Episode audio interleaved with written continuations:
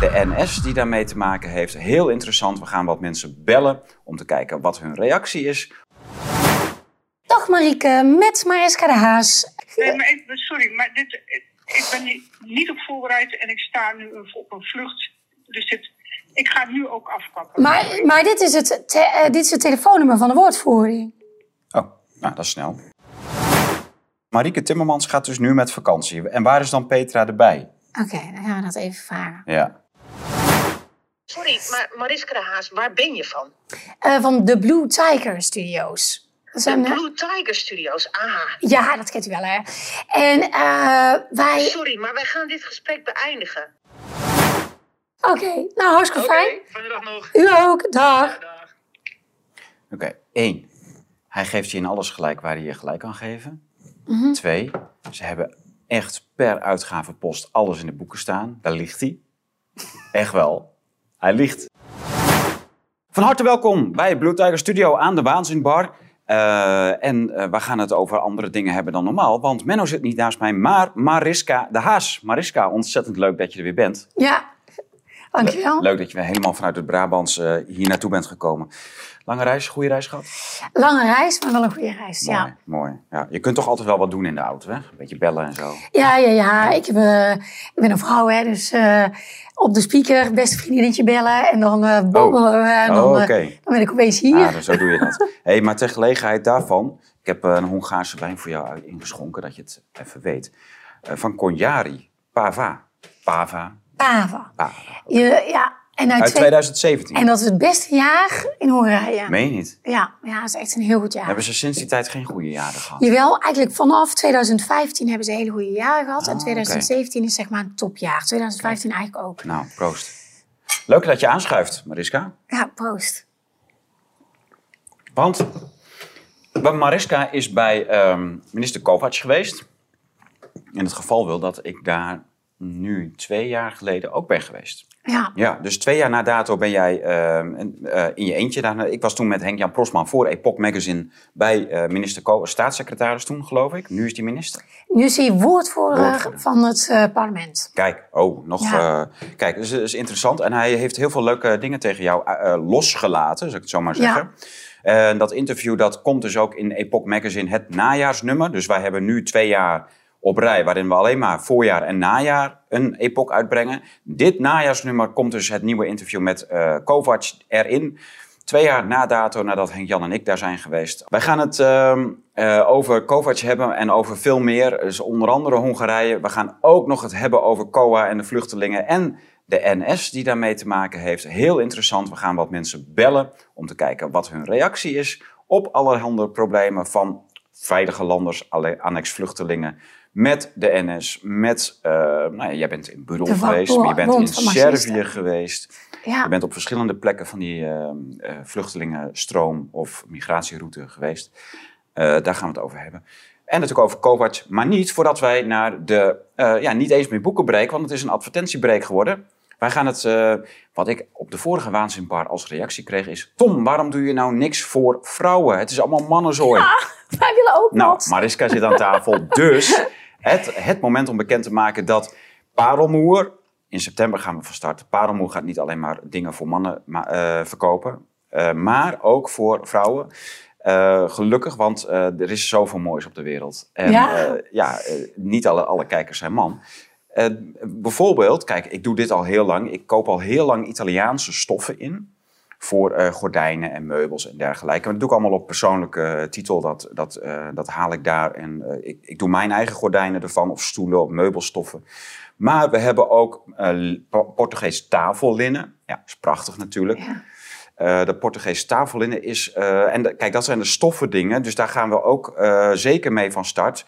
Het mooi geweven Italiaanse stoffen. Mooi geweven Portugees linnen. eh, tafeldoeken uit één stuk. Echt schitterend mooie dingen. Maar als we deze dan wegdoen, dan denkt u, wat staat hier nou?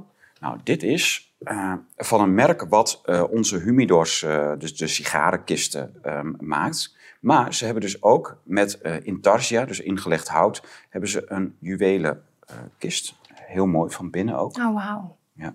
Je ringen, kettingen en dergelijke. En dat heb ik natuurlijk speciaal ook voor de, voor de dames kijkers ingekocht. Heeft u wat om eh, in, te, in op te slaan? Eh, De, de ringen, de kettingen, misschien ook een paar horloges. Dat kan er allemaal in. Helemaal ingelegd met hout. Het is de meest decoratieve kist die, eh, die we hebben. Dus zelfs de mannelijke, mannelijke sigarenkisten... die zijn niet zo mooi afgewerkt als deze. En terecht. Ja, echt heel mooi.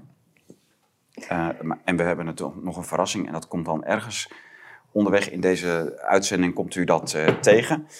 Eh, ondertussen heb ik natuurlijk al eh, gezegd dat dit, ja, deze waanzinbar staat in het teken van dat gesprek met Kovacs. Dat interview komt integraal in de najaarsepok te staan. En die epok kunt u ook al voorbestellen. Maar u kunt zich natuurlijk ook abonneren op Epoch Magazine. En dan krijgt u vier nummers voor één jaargang. En dat wordt eh, als het goed is, gaan we daar weer eh, ook echte jaargangen van maken. Maar nu in deze twee jaar even twee nummers per jaar. Dus dan eh, begint uw abonnement bij het afgelopen voorjaarsnummer. En dan het komende najaarsnummer. En dat krijgt u allemaal gewoon op de mat. Wanneer is u geabonneerd met een gratis boek? Dat, dat is De Bouwmeesters van Europa. Een waanzinnige grote favoriet van mij. Want dat is een heel mooi boekje over hoe ja, de katholieke denkers, de kloosters en de, en, en, de, en de universiteiten aan de bakermat van de Europese beschaving stonden. Vanaf het jaar 1000, 1100 begon het een enorme opbloei te krijgen. Dat stokte tijdens de Renaissance en de Reformatie. Maar niettemin is, gaat, dat boekje gaat over een speciale periode van de geschiedenis. Over hoe belangrijk het katholieke geloof was voor de groei van de Europese beschaving. Want zonder dat katholieke geloof bleef het gewoon nergens. En omdat het, eh, ja, omdat het zo'n weinig populair thema is, hebben we dat boek dus gratis in het abonnement gedaan. Dus u krijgt, als u zich nu abonneert op Epoch Magazine, www.epoch.media, dan krijgt u niet alleen het eerste nummer van uw jaargang, dat is het afgelopen nummer 19, maar ook dat gratis boek erbij. En natuurlijk het najaarsnummer, wat eh, dit najaar dan gaat volgen met dat interview van Kovacs. Met heel veel over uw tuin, uw moestuin die u gaat aanleggen of die kas die u gaat bouwen. Want eh, ja, druivensap, dat kun je, daar kun je wijn van maken. En eh, meer van dat komt allemaal in die epoch te staan. En ook in het nummer daarna, dat gaat allemaal over de tuin, over het kiemen van je zaden. En weet ik veel wat eh, we allemaal nodig gaan hebben. Omdat het een hele moeilijke tijd gaat, worden en eten steeds duurder gaat worden. En het natuurlijk ook veel leuker en beter is om je eigen voedsel te verbouwen. Omdat je dan eh, niet meer van die supermarkt eh, Afhankelijk bent. rotzooi eh, afhankelijk bent. Ja. Want tegenwoordig komen de uien niet meer uit, eh uit Huizen maar die komen uit- helemaal uit Nieuw-Zeeland. Gewoon eh, in onze supermarkt. Bizar, maar dat krijg je wanneer de boerenagenda, of de anti-boerenagenda, helemaal uitgerold wordt. In ieder geval e- www.epoch.media voor, de, eh, voor, eh, al uw epochs. Zo, nou, was dat een goede advertorial? Was echt goed gedaan, ja. Ik heb wel even een slok wijn nodig hoor. Ik weet trouwens wel iets heel leuks voor eh, als je een kas hebt. Mhm. Heel veel kassen worden van de buitenkant heel vies, snel. En als je kas vies is... Wij, wij hebben vroeger ook wijn gemaakt. eh Ja, we hadden vroeger thuis Ja? ook een kas. Ja, echt? Toen ik kind was, mocht ik echt met mijn blote voeten in de, In de druivenbak? in de druivenbak. Eh, die wijn was overigens niet te drinken. Maar de- In Nederland? In Nederland, Ja, ja. dat, dat is in Brabant. ja, nee, dat is echt... We hebben eh, geen goed wijnklimaat. Nee, we hebben geen goed wijnklimaat, maar we hebben het wel gedaan. Ja. En ehm, dus ik weet wel hoe je echt hoe je wijn maakt. Hmm. Maar die kassen die worden van de buitenkant heel snel heel erg vies. Ja. En Met alg of zo, of aanslag? Wat, wat is het voor iets? Nou, van alles? vogelpoep, Oh ja. algen, het kan van alles zijn. Nou, kijk maar naar je auto, hoe snel dat vies wordt. Ja. En eh, dan eh, laat eh, eh, zo'n kas veel minder zonlicht toe. En dan Ja. wordt je druif of je tomaat gewoon niet zo snel schoon. Hmm. Of niet zo snel en mooi rijp. En nou is er een nieuwe technologie, nanotechnologie. Die kun je dus op je kassen behandelen. En dan hoef je je kas nooit meer schoon te maken. meen je niet. Ja, dat is dus echt super gaaf. Want alles spoelt met regen weg dan of zo? ja, dus je, je hebt elke oppervlakte, dus ook dit glas, Ja. zitten eigenlijk hele kleine veetjes in. En, eh, Daar blijft het achter zitten. en daar wordt al, blijft al het vuil achter. Zij maken het helemaal glad. Als je dus die nanotechnologie eh erop laat eh, zetten, dan hoef je ze nooit meer, levenslang nooit meer schoon te maken. Er komt één regenbui en ze zijn Levenslang schoon. niet meer. Ja, je kan het bij je zwembad doen, bij je auto doen, bij zonnepanelen doen. Zonnepanelen leveren dan ongeveer 20% eh, meer eh Wauw. zonne-energie op en, en kassen dus ook. Dus ik heb best wel met wat boeren gesproken die, die dat nu eh, doen. Ja. En eh, Waar kunnen mensen dat vinden of, of er meer over te weten komen? bij eh powerwatt.green. Kijk, En daar ga, die, ik, ga ik eh, zelf ook even naartoe voor mijn kastje. Ja, dat, het werkt echt heel goed. En dan, eh, dan kunnen we testen. Mhm. Kunnen bij jou... eh, De andere kant is, Mariska, kijk, wij hebben nu kalkwit op de kas. Want je moet die kassen wit kalken als de zo- zon echt veel schijnt. Want de, kassen wit, dat doe je omdat anders je planten in de kas gaan verbranden. Hoe, hoe doe je dat dan? Als je, want dan blijft dat kalkwit ook niet zitten waarschijnlijk. Ja, maar dat kun je dus over die coating heen doen. En blijft dat dan wel zitten? Dat spoelt dan, dat gaat niet weg. Want dat, Ja, dat is, misschien dat is, wel eh, na een regenbui. Maar ga, ik ga het aan die man vragen. Hoe, hoe Ja. heet dat? We- we- Powerwatt.green. Powerwatt en met dubbel T. Ja. Ja, powerwatt.green. Nou, dan, ga ik, dan ga ik eens even voorleggen, want dat is natuurlijk interessant. Ja, de, de grote industriële kassen die hebben geloof ik zo'n verduistering aan de binnenkant van, je, van zijn kas. Ja, Dat het zonlicht gefilterd wordt en diffuus wordt. Dat het niet de planten gaat verbranden. ja. Maar die kleine kassen in de moestuinen hebben dat natuurlijk allemaal niet. nee, nee. Maar ja, goed, die hebben misschien ook niet dat mega probleem dat je kas zo vies wordt dat je die hebben juist dat probleem. Ja, die Nee, want in mijn moestuin, die kas, daar kan ik zo bij even schoonboenen en dan is het ja, klaar. maar die grote kassen hebben echt een mega groot Ja, maar de zon, voor zonnepanelen is het eh, dan weer wel heel lekker, want daar kun je slecht bij. En ja, die ze- hoeven niet gekalkt te die worden. moet je dus, ja, eh, eh, die moet je ieder jaar laten schoonmaken. Dat is echt, kost ontzettend veel geld. En eigenlijk na, na een paar maanden zie je het rendement al naar beneden gaan, omdat ze al vies zijn. ja. En, Ligt het Sahara-zand er alweer op? Ja, of Ja. de vogelpoep. Ja. Of nou ja, als je een kippenboerderij hebt. Ik ben bij een eh, kippenboerderij geweest. Hmm. En die eh, boer die heeft dat ook gedaan bij zijn kippenboerderij. En die zei ook van ja, daar komt natuurlijk heel veel van het stof vandaan. Dus die Ah, ja. telde eigenlijk om de paar maanden was het alweer vies. Dat blijft gewoon zitten. Zijn we echt bij een boerderij in, in Maden geweest. Oké, kijk, Maden. Maden, ja. Maden Brabant, waar Bij Romme vandaan kwam. Ja, ja. Breda. Gianni Romme kwam daar vandaan. Mijn grote held uit de jaren negentig. oké, Ja, zo- Schaatsen.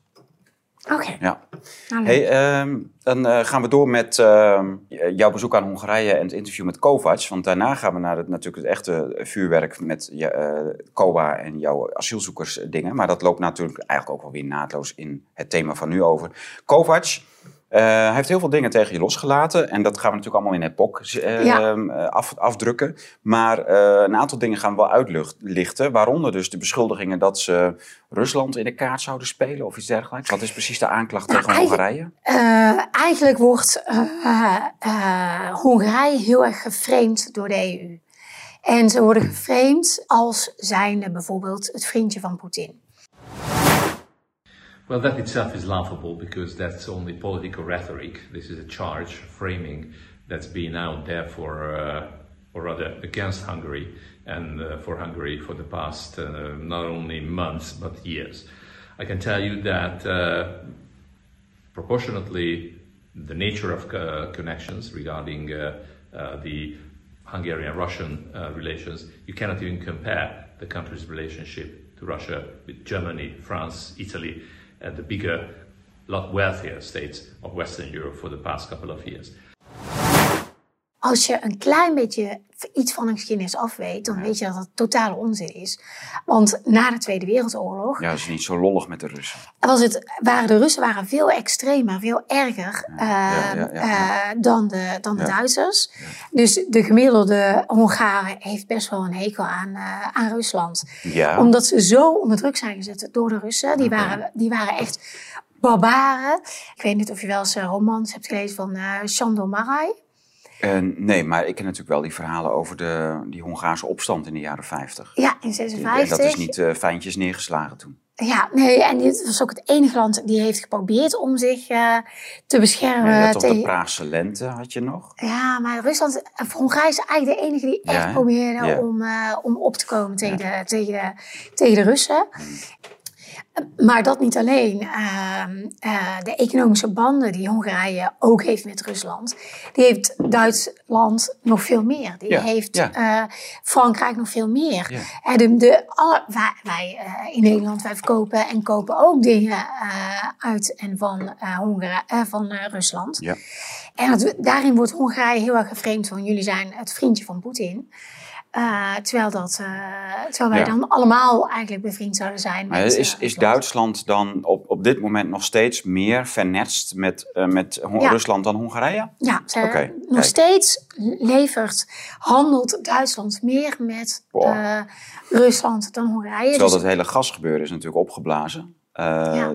en, en Duitsland die doet er alles aan om heel erg tegen, tegen Rusland sancties in te stellen en zo, lopen voorop. Maar desalniettemin is er toch nog de steeds... handel is daar nog Ja. steeds, wordt daar nog meer, steeds Ja, ja. meer handel gedreven dan, eh, dan van Rusland. het, Dus zou het wordt- natuurlijk ook Duits, het, zou, het zou echt zelfmoed voor Duitsland zijn om alles op te zeggen.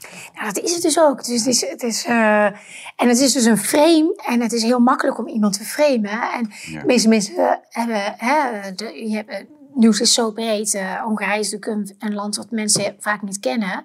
Dus eh, eh, je weet het vaak helemaal niet. Dus het is heel makkelijk om iemand te framen. Maar wat zei Kovacs nu dan op dat, dat hele framingsgebeuren? Eh, Wat, wat had hij te, te, te Nou, zeggen? zij, zij zeiden van, eh, je ziet gewoon dat politici zijn gewoon echt heel erg bang om iets te zeggen in de media. Ze zijn gewoon bang voor journalisten. De- welke politie? In Europa, In of, Europa. of in Hongarije? In Europa, dus, dus, dus de Europese politici. En die zeggen dan naar de rand tegen Orbán, ja goed gezegd, wij ja. durven het niet.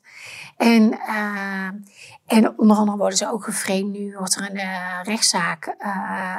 eh, nu kijken ze naar de, naar de rechtbank van Hongarije of dat corrupt is. Mhm. En de hoofd van, de, van het onderzoeksteam is een grote criticas dus van, van Orbán en van eh, de, de regering van Orbán.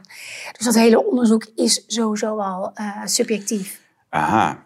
Dus iemand die, die Orbán moet gaan onderzoeken op zijn, eh, op zijn Rusland-neiging, zijn Poetin, vermeende Poetin-vriendschappen. Dit is een recht eh, op de rechtspraak, op de, de objectiviteit. Eh, dat is eh, iemand die niet objectief is. Eh, en, eh, En, en waar komt hij vandaan? Wie is dat? die komt ook zelf uit eh, Hongarije, maar die zit in de oppositie van de Hongaarse partij. Oké, en die, oh, die mag de regering, zijn eigen regering mag die... Maar ja, dat, zij- dat is leuk oppositie voeren. Ja, hè? Ja. Ja, ja. Want, eh, zelfs met, eh, met- en, dat gaat vanuit de EU? Of, eh, ja. Dat gaat vanuit de EU, ja. En Ja. hebben ze ook het wetenschappelijk bureau uit Hongarije in Europa heeft ook een brandbrief geschreven naar Brussel. En ook gezegd van ja, dit kunnen, we niet, dit, dit kunnen jullie niet maken. Dat is wel echt heel erg, hè? Ja, Dat is heel erg. ja. Zo. Dat En is zij de- zeggen ook van, eh, ik heb de hoofd van het wetenschappelijk bureau geïnterviewd.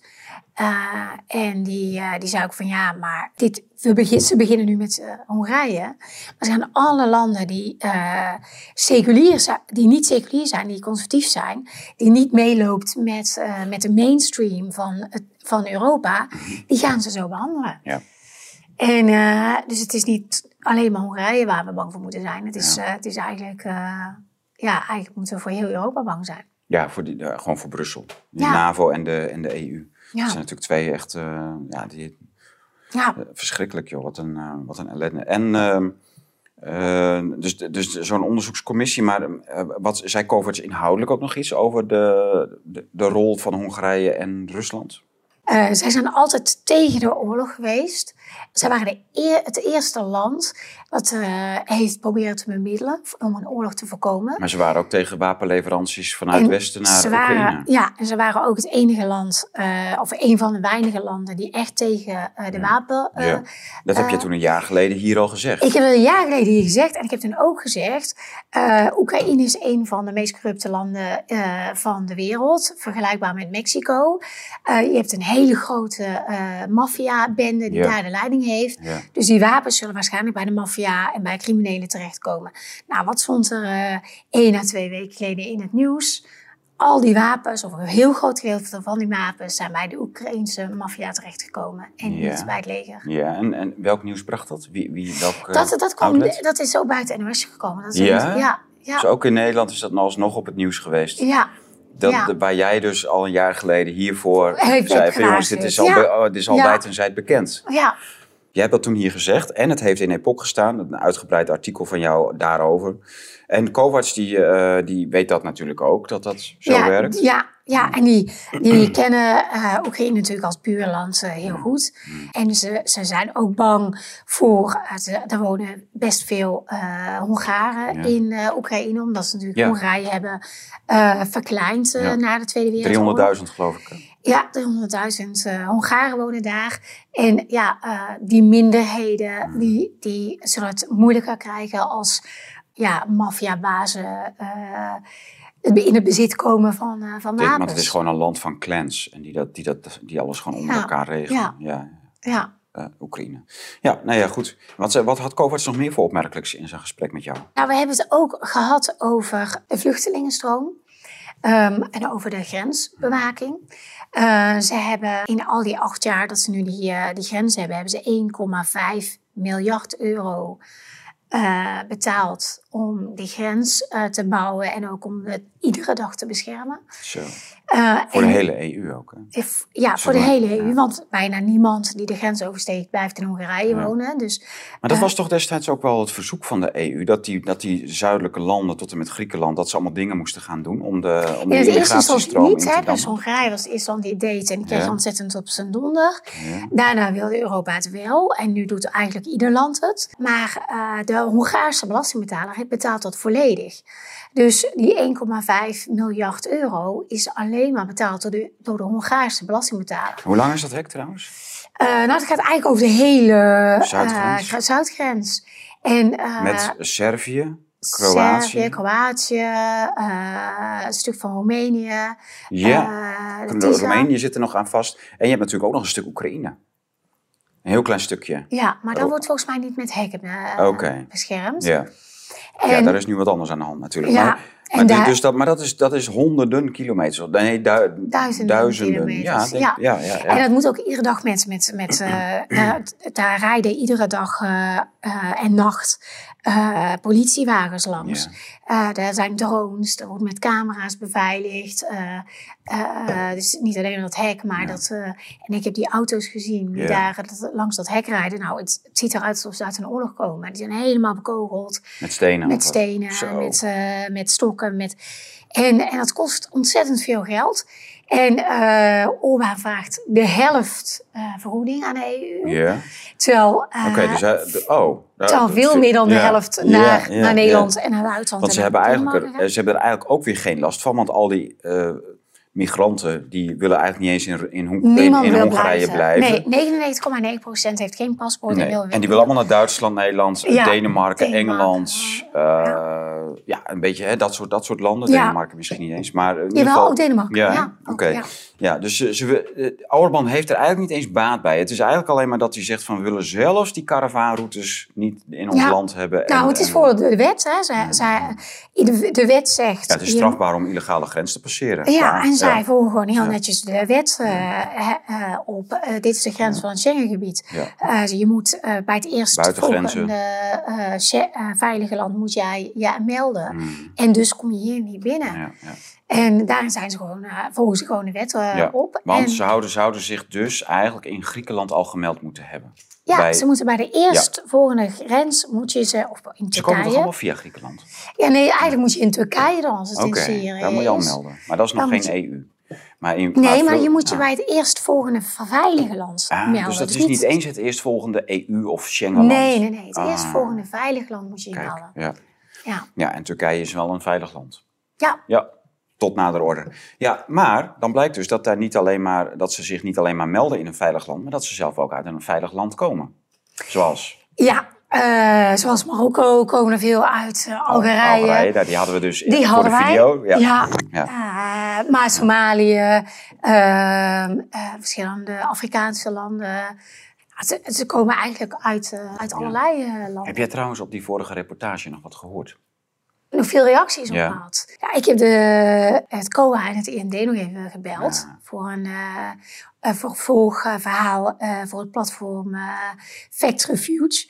En, Fact Refuge. Ja, dat kan. Fact.com. Factrefuge.com. Ja. Dus dat zijn... Is dat een, website die echt feiten checkt op, op gebied van vluchtelingen? Ja, ja, het is een heel Kijk. platform in Ja. het Engels en in het Nederlands. Super. Uh, waarin alle feiten worden gecheckt over Zo. vluchtelingen, over uh, immigranten, over... Uh, hè, we hadden toen een uitzending dat... Uh, eh, Mohammed het Algerije uh. COA werd uitgezet en niet wist waar hij heen moest. Eh, nou, COA zei toen, het is schuld van de IND. Toen heb ik het IND gebeld en die zei, nee, nee, nee, het is de schuld van het COA. Ah, nee zeg. Toen heb ik dus COA weer teruggebeld. En die zeiden van ja, wij ge- geven de ID-kaarten niet uit. Wel een OV-pas. Eh, maar dat is dan vaak als ze bijvoorbeeld naar een begrafenis toe moeten. Of naar een... eh, ze konden niet nader ingaan op dit specifieke geval. En ze ontkenden eigenlijk dat dit gebeurd kon zijn. hè? Ja, dat, MOA, zei- dat mootje met een, eh, een, ja, een dagkaart plus een jaarkaart, verblijfsvergunning, op straat stond. Dat, dat ontkennen ze dat dat zou kunnen Ze zeiden ja, ze kunnen van alles, ze kunnen van alles zeggen. Dus eh, ja, Ja. je moet niet geloven wat, eh, wat dit soort Maar ja, jongens wij hebben het allebei gecheckt. Die, die jaarkaart van die, de verblijfsvergunning voor een jaar. Met brief dat hij zich na een jaar weer moest melden, was gewoon correct, was waar. Ja. Was, eh, niks, geen illegaals aan. En, en die NS eh, of die OV-dagkaart was ook gewoon, zag er ook gewoon goed uit. Weet je? Ja, dat was echt, ja zo. Kijk, ja. ik ben natuurlijk geen. eh, maar dat, dat ze dat van mensensmokkelaars zouden krijgen, dat gaat wel heel ver natuurlijk. Plus het feit dat als ze dat zouden doen, dan zouden IND of COA zouden dat ook weten. Dat die mensensmokkelaars da daarmee bezig zouden zijn of daarin handelen. Nee, ze krijgen, wel, ze krijgen van het IND wel een ID-kaart voor een jaar, dat een jaar geldig is. Maar ze, mogen dan, ze moeten dan wel bij, bij, bij in een asielzoekerscentrum blijven. Dus ze kunnen Tot- dan niet op straat gezet worden. Nee, ze mogen niet op Ah, straat gezet worden. En wij hebben niet alleen met hem, maar ook met andere mensen gesproken die wel op straat zijn gezet. En het COA zegt, nee, dat doen wij niet, want het mag Ja, niet. Ja, ze doen het dus wel. Het, gebe- het, Ja. het is gewoon zo. Ja, Ja. En, en plus het was een veilige lander, dat was een Algerijn, die Mo. ja, En eh, worden daar ook dit soort kaarten aan verstrekt, aan veilige landers? ja aan iedereen. Dat is Dus absurd, want die is- moeten gewoon terug. Ja, die moet, de, het, het rare is, als iemand dus uit Algerije komt of uit eh, Marokko komt. We hebben ook mensen gezien hè, die uit Marokko kwamen, die, die gewoon echt Mhm. zeggen van. eh, en, en deze man uit Algerije ook, die, zeggen, die komen hier echt om, voor een betere baan, voor een beter salaris, voor een huis, voor een Ja. vrouw, voor kinderen. Dat zeggen ze ook allemaal eerlijk eh, tegen ons. Dan nog gaan ze die hele procedure in, wat een jaar, twee jaar kan duren. En het zijn exact Bizar. en het zijn exact deze mensen, dat hoorden we in Ter Apel, maar dat heb ik nu dus ook eh, van iemand anders gehoord. Zal ik zo even iets over vertellen. Eh, dat het zijn exact deze veilige landen. Eh, mensen, eh, dus uit eh, Algerije, uit Marokko, uit Somalië, die de grootste criminaliteit veroorzaken, die, die de grootste Ja, ellende veroorzaken. Wat Ja. ons miljoenen, miljarden Oh. per jaar aan schade kost. Ja. En ik snap niet waarom ze die hele procedure ingaan als ze al weten, ja, het komt uit een veilig land. Zet ze meteen terug, want we weten dat deze mensen overlast veroorzaken. Hey, maar daar gaan we straks even mee verder, want eh, we gaan daar ook nog mensen over bellen. Maar zijn we al klaar met Kovac? Wat, eh, want die heeft natuurlijk de- eh, over Rusland gaat het interview, de verhouding tussen Hongarije en Rusland. De wapenleveranties aan de Oekraïne en de Oekraïnse maffia. Ja, Aan de vluchtelingencrisis en de EU die niet wil betalen voor dat hek wat ze plaatsen, waar ze al anderhalf miljard aan kwijt zijn. Dat is wel, dat is wel pittig. Zij zeggen er zijn, er zijn eigenlijk in Europa twee stromingen. Je hebt de stroming eh, die is seculier en die zegt, eh, hè, want het grote probleem Ja. in Europa is vergrijzing. Eh, er zijn te veel bejaarden, de gezondheidskosten zijn te hoog eh, voor alle bejaarden. Geef ze maar een spuitje. Dus eh, dat, dat, dat zou een oplossing kunnen zijn, hè? al dus D66 Ja. eh, en GroenLinks. Eh, maar er is vergrijzing en hoe los je dat op? En daar zijn verschillende soorten oplossingen voor. En je hebt dan het gedeelte in Europa die zegt, we halen eh, jonge mannen uit het buitenland. En die zorgen dan voor een, een jonge populatie. En die gaan belasting betalen. En die zorgen dan voor onze, voor onze bejaarden. En je hebt een andere groep in Europa, waaronder Orbán hoort. En die zegt, nee, eh, we houden onze grens dicht. En we gaan zelf zorgen voor eh, meer kinderen. Ja. En zo heeft Hongarije heeft een eh, nieuw gezinspolitiek beleid. Waarin gezinnen financieel, belastingtechnisch voordeel krijgen. En daardoor is het aantal kinderen in de afgelopen jaren gemiddeld gestegen van 1,2 kind per vrouw naar 1,7 kind per vrouw. Zo. Enorme stijging. En ook zit al bijna bij het vervangingscijfer van 2.1. Ja, 2.2, wat was het vervangingscijfer? ja 2.1, 2.2, 2.3. En het, het aantal huwelijken stijgt enorm. Kijk, kijk. Ja. Dus eh, eh, dit, schijnt, eh, dit is dus ook een manier die, die helpt. En de- ja, je hebt objectief gezien, hè, heb je twee verschillende denkbeelden. En Kovac zegt, wij zeggen niet, jullie mogen dit niet doen. En jullie moeten zelf bepalen wat jullie ideeën zijn. Maar wij willen wel zelf bepalen in ons eigen land hoe wij het willen doen. Ja. En wij denken dat eh, het, het invoeren van, eh, van eh, vooral illegale vluchtelingen, dat dat geen goede, goede manier is. Wij denken dat het beter is om onze eigen bevolking te laten groeien. Wat we wel zeggen is, echte vluchtelingen, die zijn hier wel welkom. Hè, eh, Oekraïne grenst letterlijk aan de grens met eh, Hongarije. En die zijn, worden ook echt van, hè, eh, opgevangen in, in Hongarije met open armen. Die Ja, krijgen ja. meteen voedsel, die krijgen... een Ja, daar doen ze veel voor. En, en ze, en ze zamelen goederen in in heel Hongarije voor die Oekraïners. Ja, Ja, om erachter te komen dat die Oekra- Oekraïners er helemaal niet zaten, op zaten te wachten op hulpgoederen. Die wouden eigenlijk helemaal geen Hongaarse... nee, nee, nee. Ja, zo, het is echt ja, zo, ja, zo verschrikkelijk eigenlijk. toch liever dan naar... Ook in dat opzicht denk ik ook van ja. Maar ze hebben ook Weet je, ze de- zijn elke, elke Oekraïense man bijvoorbeeld, van tussen de 18 en de 50 nog wat, is nu verplicht om het leger in te gaan. Hè? Eh, om die oorlog te vechten. Maar ze komen allemaal gewoon hierheen. Met hun eh Porsches en eh, weet ik veel wat. Even de boel, eh, ze zijn zogenaamd in één keer allemaal oorlogsvluchtelingen. Hè? Waarom, waarom hanteren we die dubbele standaard? Dus het Westen zet Oekraïne aan om oorlog te voeren namens ons eh, tegen Poetin en de Russen. Eh, Oekraïne wordt ervoor opgeofferd. Oekraïne geldt een dienstplicht. Maar dat, het, is heel, heel bizar. Dus die mannen die hebben daar in dat land zijn ze strafbaar als ze die dienstplicht ontvluchten door hier naartoe te gaan. En toch zetten wij de grenzen open. En zijn we, maar we zijn ook weer voor die oorlog tegen Rusland. En dat Zelensky dat allemaal moet gaan winnen. En dat de Russen kapot moeten. En er zijn allemaal maatregelen. De Krim die zou alweer teruggegeven worden aan Oekraïne. Want dat was een heel veroveringsplan. Dat werd allemaal uitgebreid afgelopen week in de media gebracht hier. Dat is allemaal zo dubbel, weet je. Ik denk, ik ben, ik ben er Kijk, echt het- heilig van overtuigd dat als heel Europa vanaf, en Amerika vanaf, en China vanaf het begin af aan echt hadden gezegd: wij zijn tegen deze oorlog. We gaan geen wapens steunen, we gaan nie- niemand steunen, we gaan echt inzetten op eh, onderhandelingen en praten met eh, Poetin en, eh, en met Oekraïne. Ik denk echt serieus dat die oorlog nog geen twee weken had Ja, geduurd. maar Zelensky mag dit niet van, van, van Amerika. Washington wil niet dat Zelensky onderhandelt met de Russen. Ja, ik, en ik, ik, ik snap Het is niet Amerika hoe het, niet- hoe het kan. Ik snap het echt niet hoe het kan dat eh, we waren altijd zo tegen oorlog. En ik snap niet dat nu zoveel mensen voor deze oorlog zijn. Ik kan Ja, het me Amerika gewoon niet. niet voorstellen. Maar je ziet het constant, hè? Dus Amerika. Maar ook, de, heeft- maar ook de Ja, hele maar jaren media en ook de ja, hele nee, maar dat is allemaal hetzelfde. Maar Amerika is gewoon.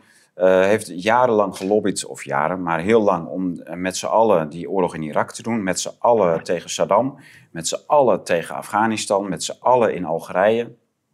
Eh, en dat is natuurlijk al heel lang gaande. Amerika doet dit al heel lang. Dus komt telkens daar vandaan. Ze, hebben, ze hadden zogenaamd bewijs voor massavernietigingswapens. Nou ja, het was er gewoon niet. Het is gewoon allemaal uit de duim gezogen, zodat hun oorlogsindustrie blijft draaien. Die verdienen natuurlijk bakken met geld hieraan. Ja, En ondertussen zijn wij ook nog zo gek dat we al onze laatste kogels en eh, roestige tanks eh, weggeven aan Oekraïne, zodat ze dat tegen Poetin kunnen gebruiken. Nou, dat ligt binnen een paar uur te roesten op het slagveld aan. Dat, eh, nou ja, het wordt gebruikt door de maffia.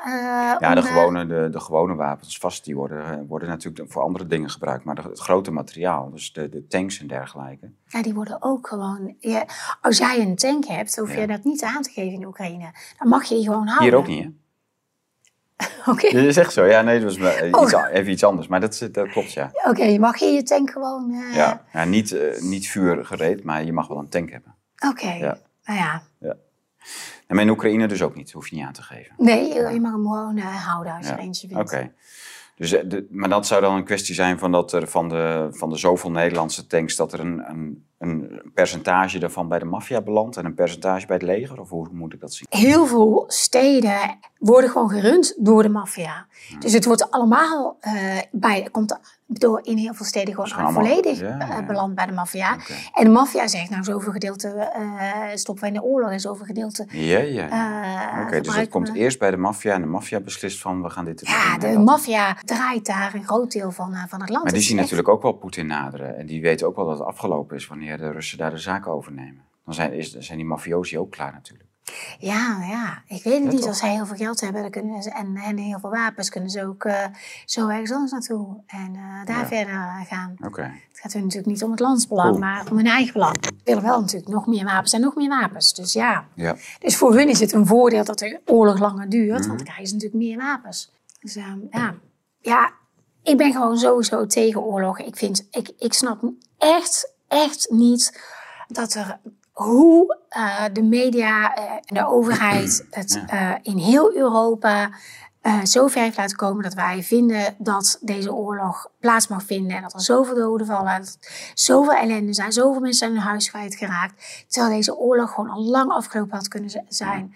Ik snap, ik snap het werkelijk niet. Ik vind het zo Maar die erg. Amerikaanse oorlogsindustrie die koopt al zo lang zoveel, ook Europese politici om. Weet je nog die Lockheed-affaire met Prins Bernhard? Ja, Er wordt zo lang al geld gestoken in, eh, in, in Europese politieke eh, kopstukken en zelfs dus koningshuizen om ze om te kopen om maar die oorlogen te kunnen blijven eh, voeren. Die Amerika s- sinds de, nou ja, eigenlijk al sinds de oorlog tegen de Filipijnen, dus eind 19e eeuw, zijn ze daarmee begonnen. En dat is natuurlijk enorm opge- opgekomen na de Tweede Wereldoorlog.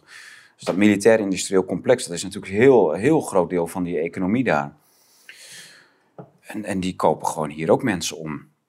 Dus uiteindelijk, eh, ja, kijk, de Chinezen doen het ook en de, en de Russen doen het ook. Eh, Gerhard Schreuder, bondskanselier, is natuurlijk jarenlang bij de Russen in dienst geweest, bij Gazprom, meen ik. Eh, onze Nout Welling, Nederlands bankdirecteur, is bij de Chinezen in dienst geweest, bij, bij een grote Chinese bank. Is ook wel klaar, maar hij is ook echt wel met pensioen nu. Maar dat, dat gebeurt natuurlijk van alle kanten, dat ze proberen kopstukken weg te kopen en invloed te kopen in, in Europa en, en elders. Zodat ze dit soort belangrijke agendapunten er doorheen kunnen, ja. kunnen hameren. Ja, en, we doen, maar, steun. en het erg is ook nog dat, eh, dat wij allemaal net doen alsof eh, wij in Europa een democratie hebben en in Amerika en dat wij eh, zeg maar de good guys zijn. Maar het is niet zo. Hmm. Nee, we, hebben ook een maffia. Ja, Ja. wij hebben ook corruptie. Maar die produceert en, zelf wapens, onze maffia. Ja, Ja, handig hè? ja. Ja. Dat, is natuurlijk gewoon heel cynisch. Die, ja, we eh, leven van de ellende van de ander. Ja. ja. echt wel. Ja. En- En, en, die, en die Hongaren, die staan er anders in. Hebben de Hongaren... ehm, dus die zijn voor vrede. Maar ja, dat is natuurlijk ook... Dan zou je kunnen zeggen, ja, dat is wel heel opportunistisch. Want die zitten daar vlak naast, naast Oekraïne. Die, eh, ja, die hebben de vluchtelingen van het zuiden. Die hebben de Oekraïners vanuit het oosten. En die hebben dan die eh, EU-lidstaten die altijd tegen Hongarije zijn in het westen. Dat is allemaal maar... Alles is, iedereen is anti-Hongarije. Ja, ze hebben het wel een beetje zwaar te verduren eh, Ja. af en toe. Eh, Zijn ze een beetje maar, kalimeren Maar van de andere kant, eh zij, eh Kovacs, en dat zie ik zelf ook, maar dat zie jij denk ik ook wel, dat er wel steeds meer toerisme komt in Hongarije. Hongarije is echt aan het Ja? opbloeien. En dat komt onder andere doordat eh eh, Hongarije zo'n veilig land is. Hè? Eh, vroeger, eh, als je naar Parijs ging, was dat heel romantisch. Tegenwoordig loop je Ja. langs de militairen met... Geen leuke stad meer. En dat is in Hongarije niet meer zo. Dus het is echt een heel veilig land. Het komt ook door de prijs. Als je Mhm. een mooi chic hotel huurt in Budapest, ben je veel goedkoper uit Mhm. dan in welke andere stad. En, eh, dus mensen, en eh, ja, mensen leren steeds beter Hongarije kennen. Ja. Eh, en er zijn toch echt wel heel veel mensen stiekem in Europa Hmm. die wel voor Orbán zijn. Die, die hoor je niet zoveel in de media. En die leren Hongarije kennen. En paar dagen geleden was zelfs nog in, eh, in, eh, stond er zelfs nog een artikel in de Telegraaf dat steeds meer mensen emigreren naar Ja? Hongarije. populairste emigratieland. en eh, ja, dat zie ik zelf ook. Ik heb een vakantiehuisje in Hongarije. Nou, als daar een huis te koop staat, binnen een dag is het verkocht. Meen je niet? En eh, Prijzen zijn er dus aan het eh, stijgen. ja, die, die stijgen al, al jaren. De hardste eh, huisprijzen in Hongarije stijgen, stijgen het hardst van heel Europa. En eh, met, in de topjaren zelfs met 27% per jaar. Want ik ken nog de tijd dat je echt een goed huis voor 30.000 euro had daar. Ja, ja. Ja, want dat is nu... Dat is niet eh, meer zo. Nee, nee, dat is niet meer zo. Zo. Dan ben ik toch te laat. Vis ik weer achter het net. Vind je weer lekker achter net. Ja, Ja, ja, ja, ja. maar je kunt wel een krot kopen voor 30.000 euro. Een wat? Een, Een krot. een krot. Kijk, en dan moet je hem opknappen. Ja. En dan kun je hem opknappen. Ja. Maar Kunnen ze een eh, beetje klussen, Hongaren? Kun je daar een goede timmerman eh, vinden die dat doet? Of is eh, het lastig? Het is lastig, maar eh, eh, op eh, de plek waar ik, eh, waar ik woon, eh, eh, heb ik een Hongaarse beheerster. En eh, ja, dat is gewoon en één appje en dan eh, Ja, ja. wordt, het, wordt alles gemaakt en gedaan. Ja? En, eh, ja, Ah, ja. ideaal. Maar een, eh, ik heb een grote tuin van 4000 vierkante meter en die wordt dan voor, voor 2 euro per uur eh, wordt dan het gas gemaaid. Ja. Jeetje. ja, dus dat, Dat, dat kan voor hun nog uit. ja, ja, ja. Ja, Lekker. Ja. dus, Maar eh, goed, ja, dat is, dat is fijn. Nou, eh, ik, jaren geleden heb ik daar ook twee weekjes mogen vertoeven in jouw Ja, vakantiehuis. Dus, ja, eh, ja, en dat, was, dat is echt een mooi huis. Op een hele mooie plek. ja. Midden in Hongarije. Ja, onder het Ballenbetonmeer, vlakbij Kroatië, op de grens van Milaan. Op de hoogte van Milaan is lekker zonnig. Veel, wa- eh, ja, precies. Lekker warm. Ja, Ja, veel zon. Ehm, ja Duits is- huis. Eh, nou ja, een paar honderd jaar geleden al vond eh, Duitsland dat ze te weinig levensruim hadden. En eh, hebben ze aan Hongarije gevraagd om meer ruimte. ja. En een van de plekken die aan werd gewezen, waar, waar veel bossen Ja, waren ja. en niks werd gedaan, was waar ik mijn vakantiehuisje heb, eh vlakbij de stad, ja, tussen het Balaton en Page in, Ja. vlakbij de Kroatische grens. En er zitten, zitten ook heel veel Nederlanders, eh, want daar zaten toen allemaal Duitsers. Ja. En die hebben van die hele mooie Duitse huizen ja, is neergezet. heel mooi. Ja. Met lemen muren van anderhalve meter dik. Ja. En eh, die huizen zijn gewoon echt heel goed gebouwd. En eh, de Nederlanders en Belgen renoveren dat echt weer helemaal prachtig in de oude staat. En daar zitten veel Nederlanders. En bij de TISA en net onder Budapest. En, maar vooral ook in dat soort Duitse... Ja, ja, dat is mooi. huizen, Dus ik ben er wel jaloers op dat je het hebt hoor. Dat is prachtig. Hey, en ehm, hoe is het klimaat in de winter daar? Eh, ja, het ligt een beetje aan eh, waar, want Hongarije is echt heel groot. Ja. Eh, dus in mijn, bij mijn vakantiehuisje kan het 20 graden zijn in december. Maar het kan ook min 20 graden zijn. Maar wel heel zonnig. Ja, ja. Dus, Zo'n groot verschil? Ja, ja, ja, het landklimaat. Dus het Ja. kan gewoon echt koud zijn. Zo. Maar het is vaak zonnig. Ja. Dus het is eh, vaak dat ik een wandeling maak en dat ik dan mijn jas niet eh, aandoe. En dat is echt, ik wil echt veel zeggen, want ik ben echt een mega koukler. Ja. En, eh, maar het kan ook echt wel vriezen. Maar in Boedapest is echt guur weer. Boedapest is echt koud. En waar ligt dat aan? nou, dat is meer landklimaat dan. dit, het ligt iets noordelijker, maar het is Ja. gewoon meer landklimaat. Dus het is in de zomer echt heter en in de winter echt kouder. Oké. Dus het, is, eh, het ligt er een klein beetje aan. eh, En, en eh, ik heb ook nog een ander huis in Hongarije, eh vlak bij de Oostenrijkse grens. En daar is het in de zomer koeler en in de winter ook kouder dan, eh, dan in het Hmm. Ja, dat is meer Alpenklimaat. Ja, in Oostenrijk, ja. Ja. Nou, kijk aan.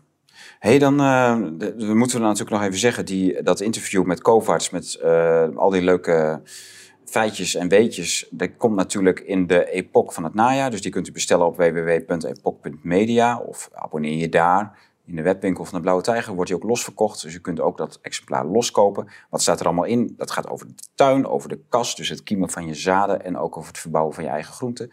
Maar ook dit soort dingen. En natuurlijk over parelmoer, waar we mee aan de slag gaan. En dat is dan het lifestyle gebeuren, wat ook in Epoch veel aandacht krijgt.